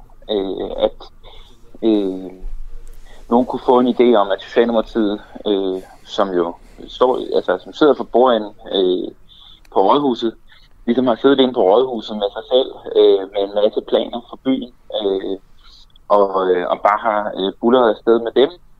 Og, øh, og hvad er det for nogle planer? Er det for, er det, tænker du på sådan noget som fældet og stejlepladsen eller Lynetteholm? Altså er det, er det de der ting, der har været meget debatteret, du tænker, at folk reagerer jeg tror, på? Altså, jeg tror, det er et samlet billede. Øh, jeg tror, øh, at øh, Altså, Lynetteholm er et meget godt eksempel. Jeg, jeg har mødt rigtig mange mennesker, der siger, øh, jeg ved ikke, om jeg er for eller imod Lynetteholm, men jeg har en idé om, at øh, øh, I ikke har involveret os nok. Det, det, det er for eksempel sådan en, en, en, en pointe, jeg har mødt nogle gange. Øh, og så er det jo ligegyldigt, om vi sidder og synes, at vi har lavet høringer og har brugt to år i offentligheden på at diskutere et projekt, hvis det, det, hvis det er den følelse, folk sidder tilbage med, øh, så har vi jo været, ikke været gode nok. Så og hvad, hvad, hvad, vil du gøre, hvad vil I gøre ved det? Altså, jamen, jeg, jeg, jeg tror, det handler om, at vi er nødt til at finde øh, et langt større nærvær frem. Altså, vi, vi er nødt til at komme meget mere ud og, og, øh, og være til stede. Øh, jeg tror også, det er vigtigt, at man ikke går i panik. Jeg tror også, det er vigtigt, at man ikke, fordi man kan samle nogle tusind mennesker på en Facebook-side, kan få lov til at stoppe mm. al udvikling, eller, øh, eller øh, altså, øh, sætte en dagsorden, øh, som, som ligesom overskygger øh, demokratiet og den sunde fornuft. Men det er klart, at der, der, der er nogle følelser omkring nogle af de her projekter, hvor, der, øh, hvor vi ikke har været gode nok til... Øh, og, og, og tage diskussionerne. Altså, det er jo ikke altid det samme, som man bliver enig med folk, men hvis folk ikke engang har nogen at diskutere med, mm. øh, så, så tror jeg, det skaber en stor frustration. Og det andet eksempel er jo, øh, altså når vi lægger frem, at vi gerne vil have nogle færre parkeringspladser, øh, eller færre gadeparkeringspladser i byen, så handler det jo om, at vi kan se, at pres, pladsen er trængt rundt omkring i København. Mm. Særligt i brokvartererne og øh, behovet for, øh, at der er grøn, at der er udservering, at der er plads til leg, som I har skrevet på jeres valgplakater, øh, at øh, vi får flere steder at, at samles i det offentlige rum, alt det vi er fælles om, så skal bilerne fylde mindre. Øh, og det er jo en, en, en vision og en, og en diskussion og en retning, vi ligesom har lagt frem, som vi gerne vil diskutere med københavnerne. Men jeg oplever bare også, at jeg møder mange, der siger, det må være fordi, I ikke kender min hverdag. Mm. Altså, jeg kører hen foran mit hus og sætter, eller foran min opgang, sætter mine børn af, så de står der i regnen, mens faren cirkler rundt i 20 minutter for at finde en parkeringsplads. Så, altså, så du tænker, der, jo... der har været et tab også, og det er derfor for eksempel konservativ øh, fik et godt valg der er selvfølgelig også nogle landstendenser, men at det er, I om så må sige, både har skubbet nogen til venstre og nogen til højre med den politik, I har stået for. Men, men, men må jeg... Ja, ja jeg, tror, Pelle, jeg, tror, jeg tror, Pelle, hvis der sidder nogen derude, som laver valganalyser, så kunne det da være interessant. Jeg, jeg har en, en, en formodning om, uden at det nok er en til en sådan, men at du kan lægge øh, parkeringsbelægningsprocenten ned over de konservatives valgresultater, så vil du se, at der, hvor parkeringsbelægningsprocenten er højst, også der, hvor konservativ får flest stemmer. Indre jeg er sikker på, at I vil lave den slags valganalyser, og jeg er også sikker på, at når de foreligger, så vil den uafhængige meget gerne have dig i studiet til at, til at fortælle, øh, hvad I har fundet ud af. Øh, helt kort, øh, er der, altså, du anerkender ligesom, at, at Lynetteholm og nogle af de her andre kontroversielle projekter kan have spillet en rolle. Er det sådan, at Socialdemokraterne på nogen måde vil tage nogle af de her ting op til genovervejelse, altså både byggeriet på Amagerfællet, men også øh, den, i hvert fald den proces, der har været omkring Lynetteholm, blandt andet det her med manglende klagemuligheder og den slags ting. Er, er det sådan, at Socialdemokrater er parat til at flytte sig der, eller, eller øh, det er bare fordi, du siger sådan noget, at vi skal være mere nærværende og sådan noget. Det kan godt lyde lidt som noget, øh, sådan noget management øh, bullshit. Altså er man parat til ligesom at, at rykke sig substantielt på nogle af de her områder, eller, eller, eller hvad? Jamen vi, vi, altså der er jo en grund til, at vi øh, bakker op om det byggeri, der er på Amagerfældet. Der er også en grund til, at vi øh, gerne vil lave øh, Lynetteholm. Jeg tror, de to projekter er meget forskellige. Øh, og altså, øh, det ene er jo et projekt, hvor vi stort set er klar til at øh, stikke en gravko i jorden, hvis ellers det juridiske fundament er i orden. Det andet projekt er jo et, et, et stort projekt, som rækker ud i fremtiden. Ikke? Øh, og jeg tror, øh, altså, jeg mener stadigvæk, det er det rigtige at bygge på Amagerfællet. Altså, øh, vi har brugt en hel valgkamp på at diskutere mm. billige boliger. Her står vi lige på nippet til at kunne bygge 600 almene boliger på én gang. Det vil være den største enkeltstående udbygning af den almene boligmasse i København siden 90'erne. Øh, det synes jeg stadigvæk er et meget tungtvejende argument. Øh, når det ja, kommer og... til Lynetteholm, så tror ja. jeg bare, der er en masse diskussioner, som, øh, som, som, som vi kommer til at skulle tage. Øh, ikke nødvendigvis så meget for eller imod, fordi der er ligesom vedtaget en anlægslov for det her jorddepot. Der kører sådan nogle domstolsafgørelser øh, øh, nu, der lige skal afgøre, om den lov så også er lovlig, om man så må sige. Ja, det er klart. Altså EU-kommissionen har meget klart sagt, at øh, øh det, der, der er ikke noget, de ser ikke nogen øh, ting i EU-retten, som er til hinder for, at man kan lave den anlægslov. Og så er der øh, den, hvad hedder det, øh, klimabevægelsen, som har fået fri proces til at køre en, en, en retssag. Øh, og det er klart, at altså, det, det synes jeg er super godt, at de har fået den frie proces, øh, så vi kan få prøvet de her spørgsmål. Mm. Men, men der er jo et eller andet ved det med, at øh, vi, vi ligesom skal i gang med at diskutere, hvad skal vi bruge det der jorddepot til? Fordi det er klart, at vi har nogle idéer om, hvad vi godt kunne tænke os. Ja. Øh, men Ja. Og, og, og det er måske den debat, jeg øh, gerne, fordi vi har nemlig ikke så meget tid endnu. Jeg kunne godt tænke mig at snakke om det med billige boliger, fordi jeg ved, at ja. både du og jeg, øh, og sådan set Enhedslisten og Socialdemokratiet, er jo enige om det enige om, at der er brug for mange, mange flere betalelige boliger, som almindelige lønmodtagere kan betale i København. Øh, fordi at det, vi oplever nu, det er jo sådan en, en, en the perfect storm, ikke? Altså, hvor priserne mm. på ejer- og andelsboliger, de er banket op, så almindelige lønmodtagere faktisk ikke længere kan blive kreditgodkendt til at få et lån til en, til en mm, øh, andelsbolig eller en, en ejerbolig. Og så har vi set, at det, der bliver bygget, det er primært øh, for langt det meste meget, meget dyr privat øh, udlejning, som, som folk også har svært ved at betale. Øh, så spørgsmålet er, øh, hvad, hvad kan man gøre ved det? Øh, og der har regeringen jo øh, fremlagt et, et forslag her øh, kort før, øh, hvad hedder det, øh, øh, kommunalvalget, øh, om at man vil forsøge at sætte den her procent, øh, der skal bygges af almene boliger, som jo altså er en non-profit boligform, som gør almindelige mennesker nemmere kan betale den, øh, at det skal skrues op på 33 procent i nye mm. bygge, byggeområder. Det kunne for eksempel være Øh, på Lynetteholmen, eller øh, på Refshaleøen, eller nogle af de andre steder, hvor, hvor der skal bygges i de kommende, øh, i de kommende år og årtier. Øhm, men, og, og jeg synes jo, det er rigtig godt, at man har taget det skridt. Det kræver noget flertal i Folketinget. Øh, men jeg kan alligevel ikke lade være at tænke, at det er uambitiøst, fordi selv med 33 procent almen boliger, og nu skal vi huske, at når man regner den her procent, så er det inklusiv ungdomsboliger, det er inklusiv ældreboliger, så vi snakker meget færre, når vi snakker almene familieboliger. Men selv med den her lovgivning, så vil 67 procent af de nye boliger, der bliver bygget, for eksempel hvis vi skal bygge på Kløverparken eller øh, i Jernbanebyen eller andre steder, det vil være de her ubetalelige boliger. Det vil nok primært blive private øh, udlejningsejendomme øh, e-, med meget, meget høje huslejer, som vi kender det fra, fra andre steder i byen. Hvordan kan I så, Socialdemokraterne, når I anerkender det problem, der er, hvordan kan I så stille jer tilfredse med, at 67 procent stadigvæk bliver ubetalelige boliger på de ganske få, kan man sige, områder, der er tilbage at bygge på i København?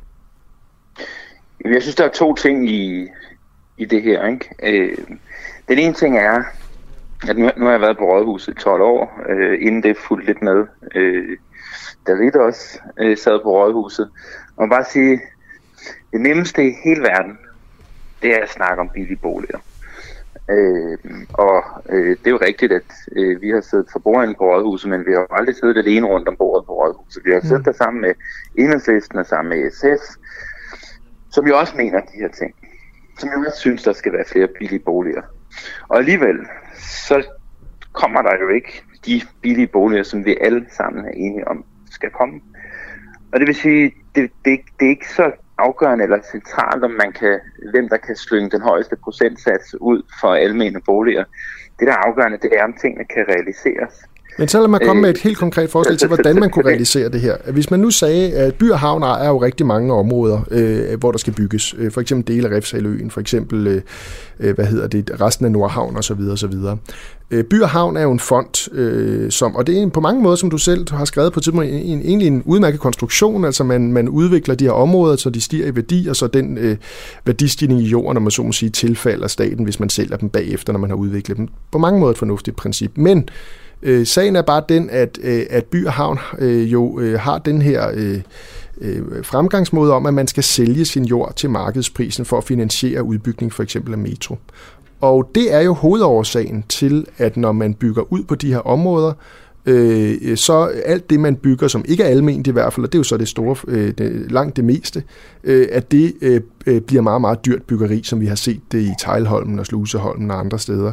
Øh, så hvorfor ikke øh, vedtage, at I... Øh, øh, at, at i, hvad hedder det, øh, at i By og Havn, øh, vores egen jord, eller jeres egen jord, jeg bor ikke i København, men øh, jeg elsker København også, øh, hvad hedder det, at der bygger vi meget mere. Der bygger vi for eksempel 50 procent eller 75 procent alment inklusiv, øh, eller, eller bare bygger billigt, fordi man behøver ikke at bygge alment. Man kunne også gøre, som man gør i Wien, og ligesom lægge en regel og sige, når man udbyder de her grunde, jamen så er et krav, at der skal bygges billigt.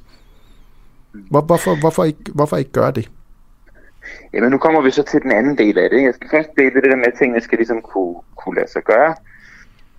Den anden del af det, at det, det er jo ikke det samme her. Ikke? Altså tingene skal kunne lade sig gøre. Men hvorfor kan det ikke lade sig gøre?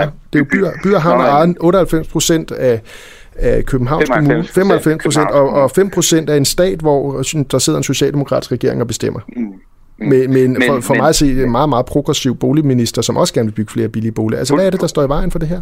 Fuldstændig enig, men, men Byhavn har, er jo altså, reguleret ved lov. Jamen, det, sige, den lov kan vel ændres? Det kræver, det kræver ikke bare et, et, øh, det kræver ikke bare en boligminister og en kommune. Øh, det kræver et flertal på Christiansborg. Øh, og øh, lige nu øh, bakser øh, vores fælles ven øh, og progressiv boligminister øh, jo med øh, bare at få et flertal for, at man kan øh, få lov til at bygge 33 procent almene boliger i de her områder. Øh, så det er ligesom den første indikation af, at øh, det vil der nok jo. ikke være et flertal for. Jo, men det er jo fordi, der, det er fordi når det gælder grund... planloven, så er, det, så er det jo fordi, der er en forliskreds, hvor man er nødt til at få Venstre og, øh, og konservative med. Øh, men det her, der kunne man jo gøre det med, øh, det, det her, der kunne man jo gøre det enten med et flertal med de radikale, eller eventuelt med Dansk Folkeparti.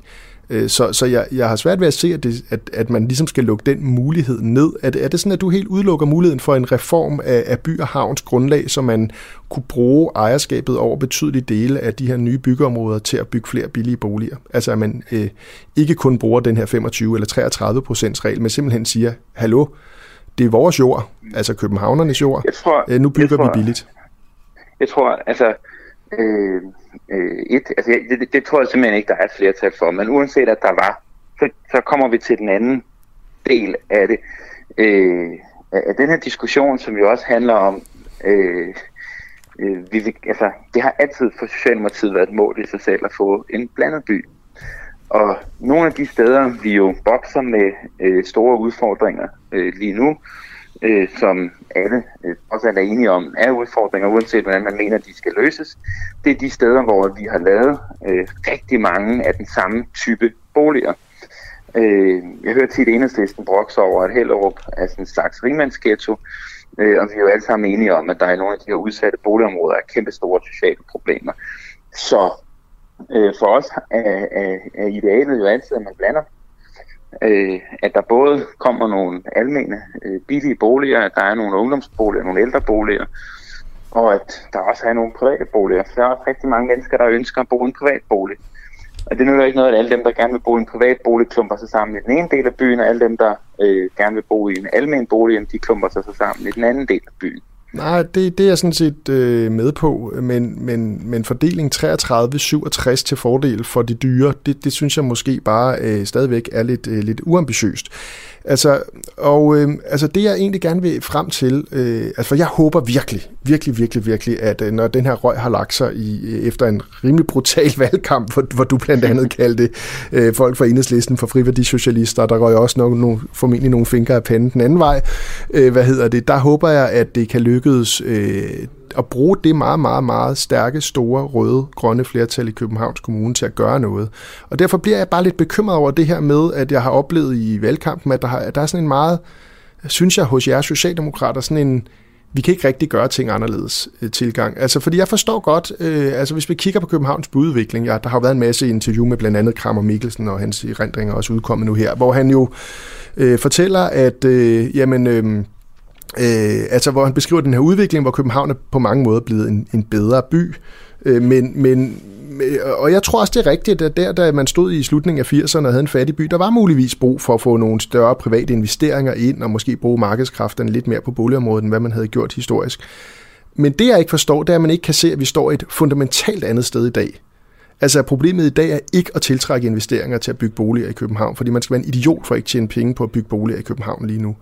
Øh, det er et helt andet problem, og, og at man derfor ikke vil tage de her grundlæggende ting op til genovervejelse, herunder altså by og havns øh, øh, formulering. Men vi, øh, hvis du kan give et kort svar på det, for jeg, bliver, jeg, vil, jeg vil gerne have diskuteret med det her med dig en time, Jonas Bjørn, men øh, der står nogle teknikere og, og, og siger, nu, nu er det nok med den her øh, diskussion mellem enhedslisten og, øh, og Socialdemokratiet. Så bare, bare helt kort. Er, er I ikke parat til nogen som helst forandring? Vi har en selv studietur til Wien i støbeskeen. Det er det, vi har snakket om. Vi snakker om det her dagvis. Men hvad hedder det nu? Øh, altså, øh, Socialdemokratiet er øh, altid klar til at lave øh, grundlæggende om på, øh, på tingene. Det er jo det, som den her planlovsændring er et udtryk for. Det, at vi også vil regulere den op til 33 procent af en, af en ændring. Øh, By og Havn har også, øh, altså afsøger også forskellige muligheder for at arbejde med den bedst mulige byudvikling, hvor man jo siger, det at man skal sælge eller det, man skal agere markedsmæssigt, er ikke det samme, som man altid skal sælge grundene til højst bydende. Øh, og vi ser By og Havn i, i øjeblikket øh, laver flere og flere projekter, hvor man i virkeligheden låser prisen på en grund på noget, der kunne være markedsmæssigt.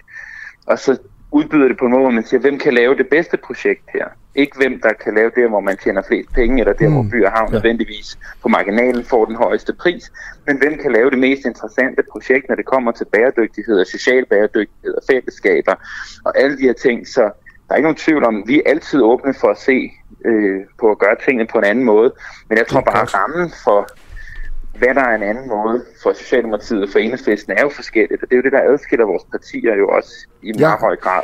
Jeg håber i hvert fald, uanset hvad, at øh, de progressive øh, kræfter, der er enige om flere billige boliger, de nu kan finde sammen inde på borgerrepræsentationen og faktisk skabe de boliger, vi har brug for. Du skal have tusind tak for, at du vil være med, Jonas. Øh, det var øh, starten på en lang og vigtig diskussion. Øh, ja, tak fordi jeg måtte være med, Pelle. Ja, vi snakkes ved. Jeg har stor respekt for dig. Jamen, tusind tak, og lige over. Øh, nu åbner vi lige telefonen. Hvis der er nogle lyttere, som øh, har lyst til at give deres besøg med i den her diskussion, så kan man ringe ind på 50 24 50 14, 50 24 50 14. Du lytter lige nu til en uafhængig morgen. Kritisk, nysgerrig og levende radio, som politikerne ikke kan lukke. Vi sender live alle hverdage fra klokken 7 til 9. Lyt med via vores app på DK4 DAB, fra vores Facebook-side, eller hvis du bor i hovedstadsområdet på FM-båndet 102,9. Tak til dig, som gør det muligt. Og vi har faktisk en lytter med på telefon. God morgen. Godmorgen. Du snakker med Andreas. Hej Pelle. Hej Andreas. Hej. Hej. Hvad, hvad, har du på, hvad har du på hjertet? Jamen, øh, flere ting. Øh, vi kan jo lige hurtigt tage den med boliger først. Jeg tænker på, problemet er vel ikke, at man kan at man ikke kan bygge billigt, eller det, problemet er vel, at der er for mange mennesker, der gerne vil have en billig bolig, og derfor de billige boliger, der vil blive bygget, de vil blive reddet væk hurtigere, end man kunne nå at bygge nye. Så problemet er vel ikke, at man kan, man kan altid søge om bygge en billig bolig, og man kan finde nogle procenter her og der, men efterspørgselen er for stor, det ved jeg ikke. Ja. Det kommer bare jo, til at tænke på. Det, jeg det, har du, det har du ganske givet ret i, men, men spørgsmålet er jo så, hvad, hvad skal så afgøre, hvem der har ret til at bo i byen?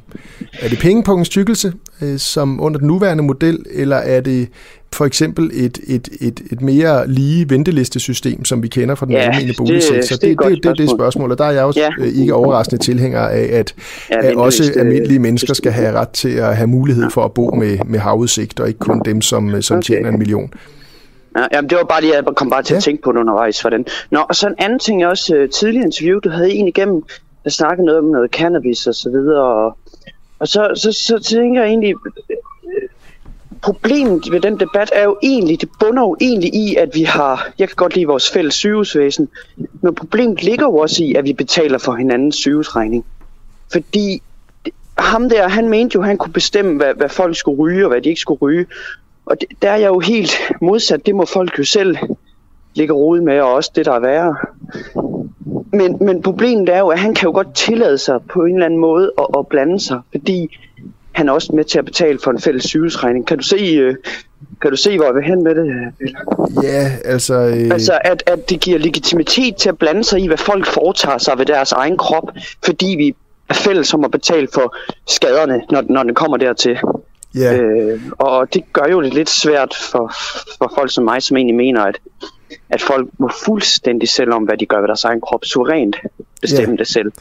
Ja, jeg synes, det er en, det er en, det er en spændende diskussion, øh, både den relation til, at vi har et fælles finansieret velfærdssamfund, men, men jo også, øh, skal man bare lade folk gøre lige præcis, hvad de vil med deres krop, eller må man gerne i hvert fald sådan som samfund nudge, øh, måske lidt i en, en anden retning, for eksempel ved at lave nogle høje afgifter på ting, som, som vi ved er skadelige. Øh, men, men, men det er en super, øh, super relevant Ja, jeg kom bare lige til at, jeg vil bare lige nævne det. Jeg tror heller ikke, der er nogen af os, der har svaret Nej, på det. Jeg vil bare sådan, jeg synes bare, det var en interessant vinkel, fordi altså, et eller andet sted, jeg kan godt lide det der fælles sundhedsvæsen, men et eller andet sted, hvis jeg også godt kan lide, at man har 100%, altså som i 100% selvbestemmelse over egen krop, så må jeg jo også yes. ligesom være villig til at give afkald på, at, at folk så skal finansiere min sygehusregning, efter jeg har røget 60 Cecil i... Øh... Og så ryger vi ud i et helt andet system, ja. som også har Dans Bardø. Men tusind tak for at ringe ind ja, med det, det var perspektiv. Bare lige det. Det var godt. Det, det var godt. godt. Hej hej. Hej. God program. Og nu skal vi videre til øh, den øh, næste historie her øh, til morgen, øh, og det er en af de der, øh, som man sådan godt kan få morgenkaffen lidt galt i halsen over. Øh, det er nemlig sådan, at den internationale øh, politiorganisation Interpol øh, i går valgte en ny formand. Øh, han hedder Ahmed Nasser al-Razi, øh, og han er fra de arabiske emirater. Og han har den baggrund, at han har drevet landets fængsler. Og en stribe NGO'er har beskyldt Al-Reisi øh, for inhumane handlinger og tortur. Altså med andre ord, han har stået i spidsen for et fængselsvæsen, som er øh, notorisk kendt for at torturere de, de indsatte. Øh, og han er faktisk også anmeldt i flere lande for krænkelser af menneskerettigheder, øh, og risikerer dermed principielt selv at blive eftersøgt af det Interpol, han nu skal stå i spidsen for. Et af de lande, der har anmeldt ham, eller hvor han er anmeldt, det er Frankrig, hvor Interpols hovedkvarter ligger, og hvor han jo altså kan forventes at skulle reagere for. Så spørgsmålet er, øh, hvordan i alverden kan sådan en mand blive valgt til formand for, øh, det, for verdenspolitiet, om man så må øh, sige.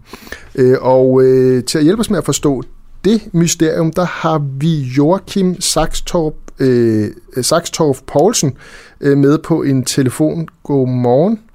Godmorgen. Og tak fordi du vil være med. Du er international nyhedsredaktør på TV2. Kan du øh, forklare den uafhængige lytter, hvordan i alverden øh, en mand som Ahmed Nasser al-Razi kan blive valgt som, øh, øh, som præsident eller, øh, for, for, for, eller formand for Interpol? Altså man kan sige, i, i forhold til hvorfor man har valgt, øh, man har valgt ham, øh, der, det, det er jo nok et spørgsmål, der stilles bedst til for eksempel øh, Rigspolitiet eller de øh, medlemmer af Interpol, der nu, nu har, har valgt at stemme på ham. Men jeg kan fortælle lidt om, hvordan i hvert fald han kom, øh, han, kom derhen. Fordi når man ser på øh, personen Al- Al-Raisi, han er en, øh, som du også selv var inde på, generalinspektør i Emiraternes Indrigsministerium, så han står altså i spidsen for landets politi og fængsler. Han er en, øh, en, en tung øh, myndighed, øh, hvad hedder det, tung person i myndighederne øh, i Emiraterne, så har han jo også en, en, en ret flot baggrund.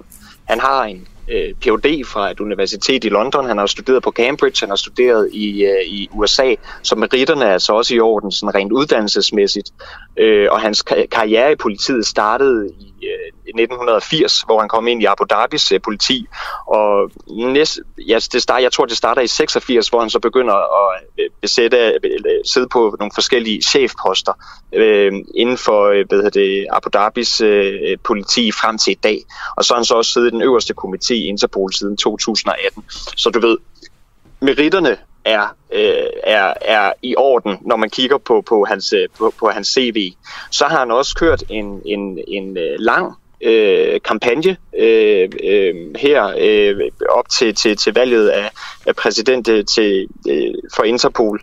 Øh, han har rejst rundt til øh, adskillige medlemslande. Det er rent faktisk noget, der sådan er blevet bemærket, at han har været så øh, ivrig efter at rejse rundt til, til mm. medlemslanden for at, at, at hvad hedder det, tale sin sag, præsentere sine argumenter og sine visioner for, for, for, for Interpol. Han har mødtes med en masse topfolk.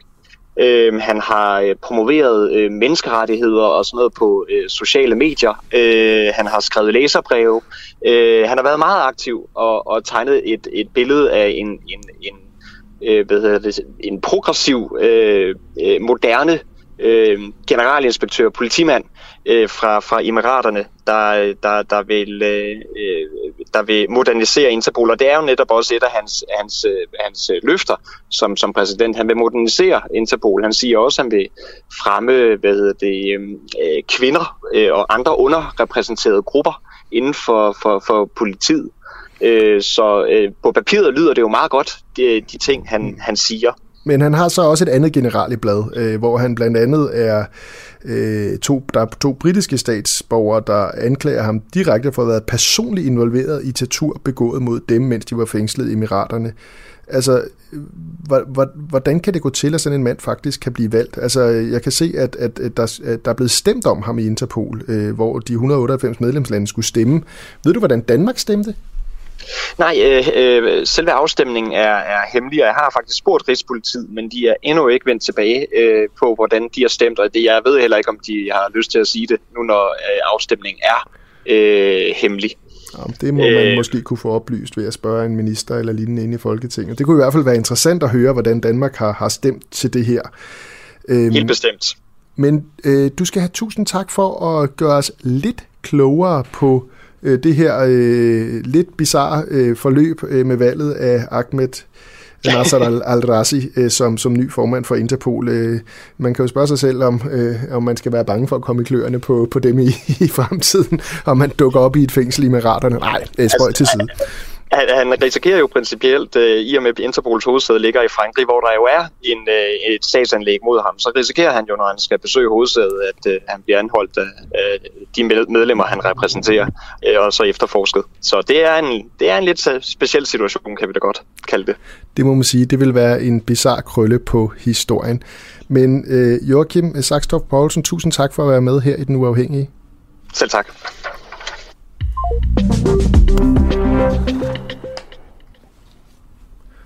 Og øh, nu går vi til morgens sidste historie, øh, som øh, handler om religion og satire. Fordi hvad betyder det egentlig i et samfund, at man kan gøre grin med kristendommen og med andre religioner? Øh, I en øh, ny øh, Ph.D.-afdeling, øh, undskyld, Ph.D.-afhandling øh, om religionssatire, øh, der argumenterer øh, forfatteren bag øh, Dennis Meyhoff Brink for, at det at gøre nar af særligt kristendommen har gjort meget for at forme det moderne samfund, vi har i dag. Ja, faktisk måske mere end kristendommen selv. Øh, og vi har, øh, vi har Dennis øh, Brink med på en, en, en linje nu. Øh, øh, godmorgen, Dennis. Godmorgen. Øh, du skriver, som jeg forstår det i din Ph.D.-afhandling, at religionssatire har, har formet vores samfund mere end religionen selv. Hvad, hvad mener du med det? Jamen, øh, der mener jeg, at øh, religionssatiren har været med til at lægge grundlaget for de værdier, som vores samfund egentlig er bygget på i dag. Altså, at øh, øh, vi har ganske vist masser af kristne traditioner, såsom dåb og bryllup og begravelse og den slags ting. Men de værdier, som vi egentlig øh, bygger vores samfund på, dem som er nedfældet i grundloven, de, det er, det er, de er jo sådan set ikke særlig kristne. Altså, Jesus prædikede jo ikke om ytringsfrihed og forsamlingsfrihed og øh, religionsfrihed og den slags ting. Men de vil heller ikke ligefrem satiriske. Altså, hvordan, hvordan har satire eller, eller humor øh, formet, øh, altså ført til for eksempel de rettigheder, som du taler om der? Jamen, det, det mener jeg, det har gjort ved nogle langstrakte historiske processer. Øh, først og fremmest så har religionstiden været med til at underminere den øh, autoritet øh, og den autoritetsopfattelse, som var så grundlæggende i kristendommen. Altså, øh, i, i kristendommen, der, kristendommen lærer os, at, øh, at præster, eller gejstlige i det hele taget, de er ligesom en slags hyrder for en flok. Øh, så dem, der skal lede os andre, som er en del af flokken. Vi er foran i flokken, vi skal ledes til frelse af dem. Jesus han siger selv, jeg er den gode hyrde, og så overdrager han det hyrdeembede til Peter, og Peter bliver betragtet som den første pave. Øh, og øh, han så at sige uddelegerer arbejdet til alle de underordnede, og, og dermed bliver præster eller pastorer. Altså en pastor er simpelthen det latinske ord for en hyrde. Altså, de får den her hyrderolle, som er givet altså direkte mm. af Jesus, det vil sige af Guds egen søn. Øh, så og det de får den... en autoritet ja. til at lede flokken. Øh, og det, det gør altså, satiren op med, ved at den hele tiden latterliggør autoriteterne og udstiller dem som alt andet end gode hyrder. Og, og du har undersøgt den her satire øh, faktisk helt tilbage til, til 12. århundrede. Øh, ja. Kan du give nogle eksempler på, på den her satire? Øh, ja, altså der findes et utallige eksempler. Øh, et godt eksempel, jeg, jeg ønsker at nævne, det er øh, den franske komedieforfatter øh, Molière. Han skrev i midten af 1600-tallet et stykke øh, om en, der hed Tartuffe. Og Tartuffe, han havde i den oprindelige udgave, øh, øh, der var han fremstillet som en præst. Øh, det nedlagde censuren så altså forbud imod, men alle der vidste, at det, at det var præsterne, der sigtede øh, mod. Øh, og øh, Tartuffe han er sådan en skinhellig øh, type. Altså han udgiver sig for at være IO, så god en kristen. Ja. Men øh, han får sig, så at sige, øh, lukket ind, eller han får sig smiret ind hos en, hos en naiv mand, der hedder Orgon, og så forsøger han at tage alle hans penge og forføre hans kone. Så Tartuffe blev sådan et eksempel på, at, øh, at, at præster ikke var så gode, som de udgav sig for at være, at de måske ikke var så troværdige, som, som de hele tiden påstod. Og hvad med øh, fra, fra dansk øh, kulturhistorie øh, eller politisk historie, har du eksempler der? Ja, altså der kunne man for eksempel nævne øh, Ludvig Holberg, eller for den sags skyld øh, det satireblad, der hedder Korsaren, som kommer i, i 1800-tallet, samtidig med, at der kommer masser af satireblade øh, i, i resten af Europa. Øh, de er jo med til at, at udbrede det og gøre det til en meget mere øh, folkelig øh, tradition, altså de her satireblade, fordi de bliver solgt i meget store oplag, øh, og det bliver noget, som alle og enhver ligesom kommer i kontakt med, i hvert fald hvis man bor i en større by. Og det er så med til at underminere øh, den autoritet, der har stået omkring kirkens autoritetspersoner og institutionens autoritet. Ja, det er det. Og, og samtidig, altså det er jo en langstrakt proces. Ikke? En satire gør ikke den store forskel, men vi ved også, at, at øh, altså, en satire gør måske ikke en, en større forskel på, på kirken, som er en enormt veletableret institution, end, end en dråbe vand, der falder på en sten. Men vi mm. ved også, at når den ene dråbe vand efter den anden er faldet på den samme sten igennem 100, så er der til sidst hul i den. Og på den måde mener jeg, at satiren, fordi den har været så exceptionelt udbredt i Europa, den har været langt mere udbredt i Europa end noget andet sted. Der har simpelthen været meget mere.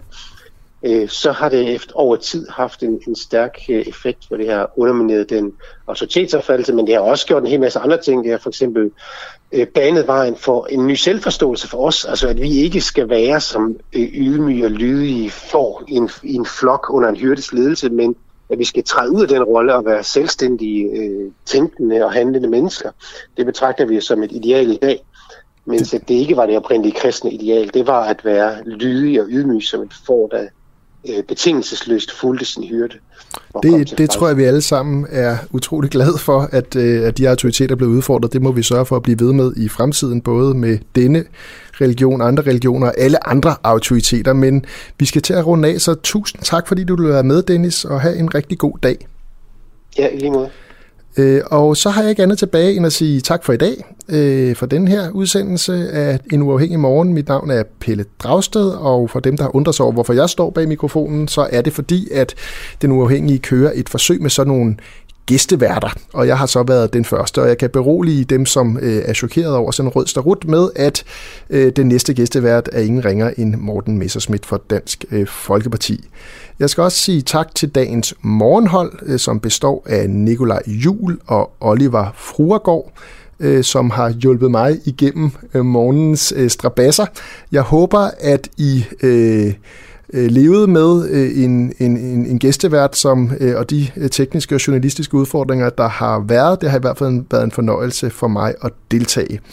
Øh, hvis du har lyst, så kan du blive hængende her bagefter, fordi at øh, den uafhængige sender øh, et udviklingsprogram, øh, som hedder Under Udvikling, øh, som man kan lytte med til.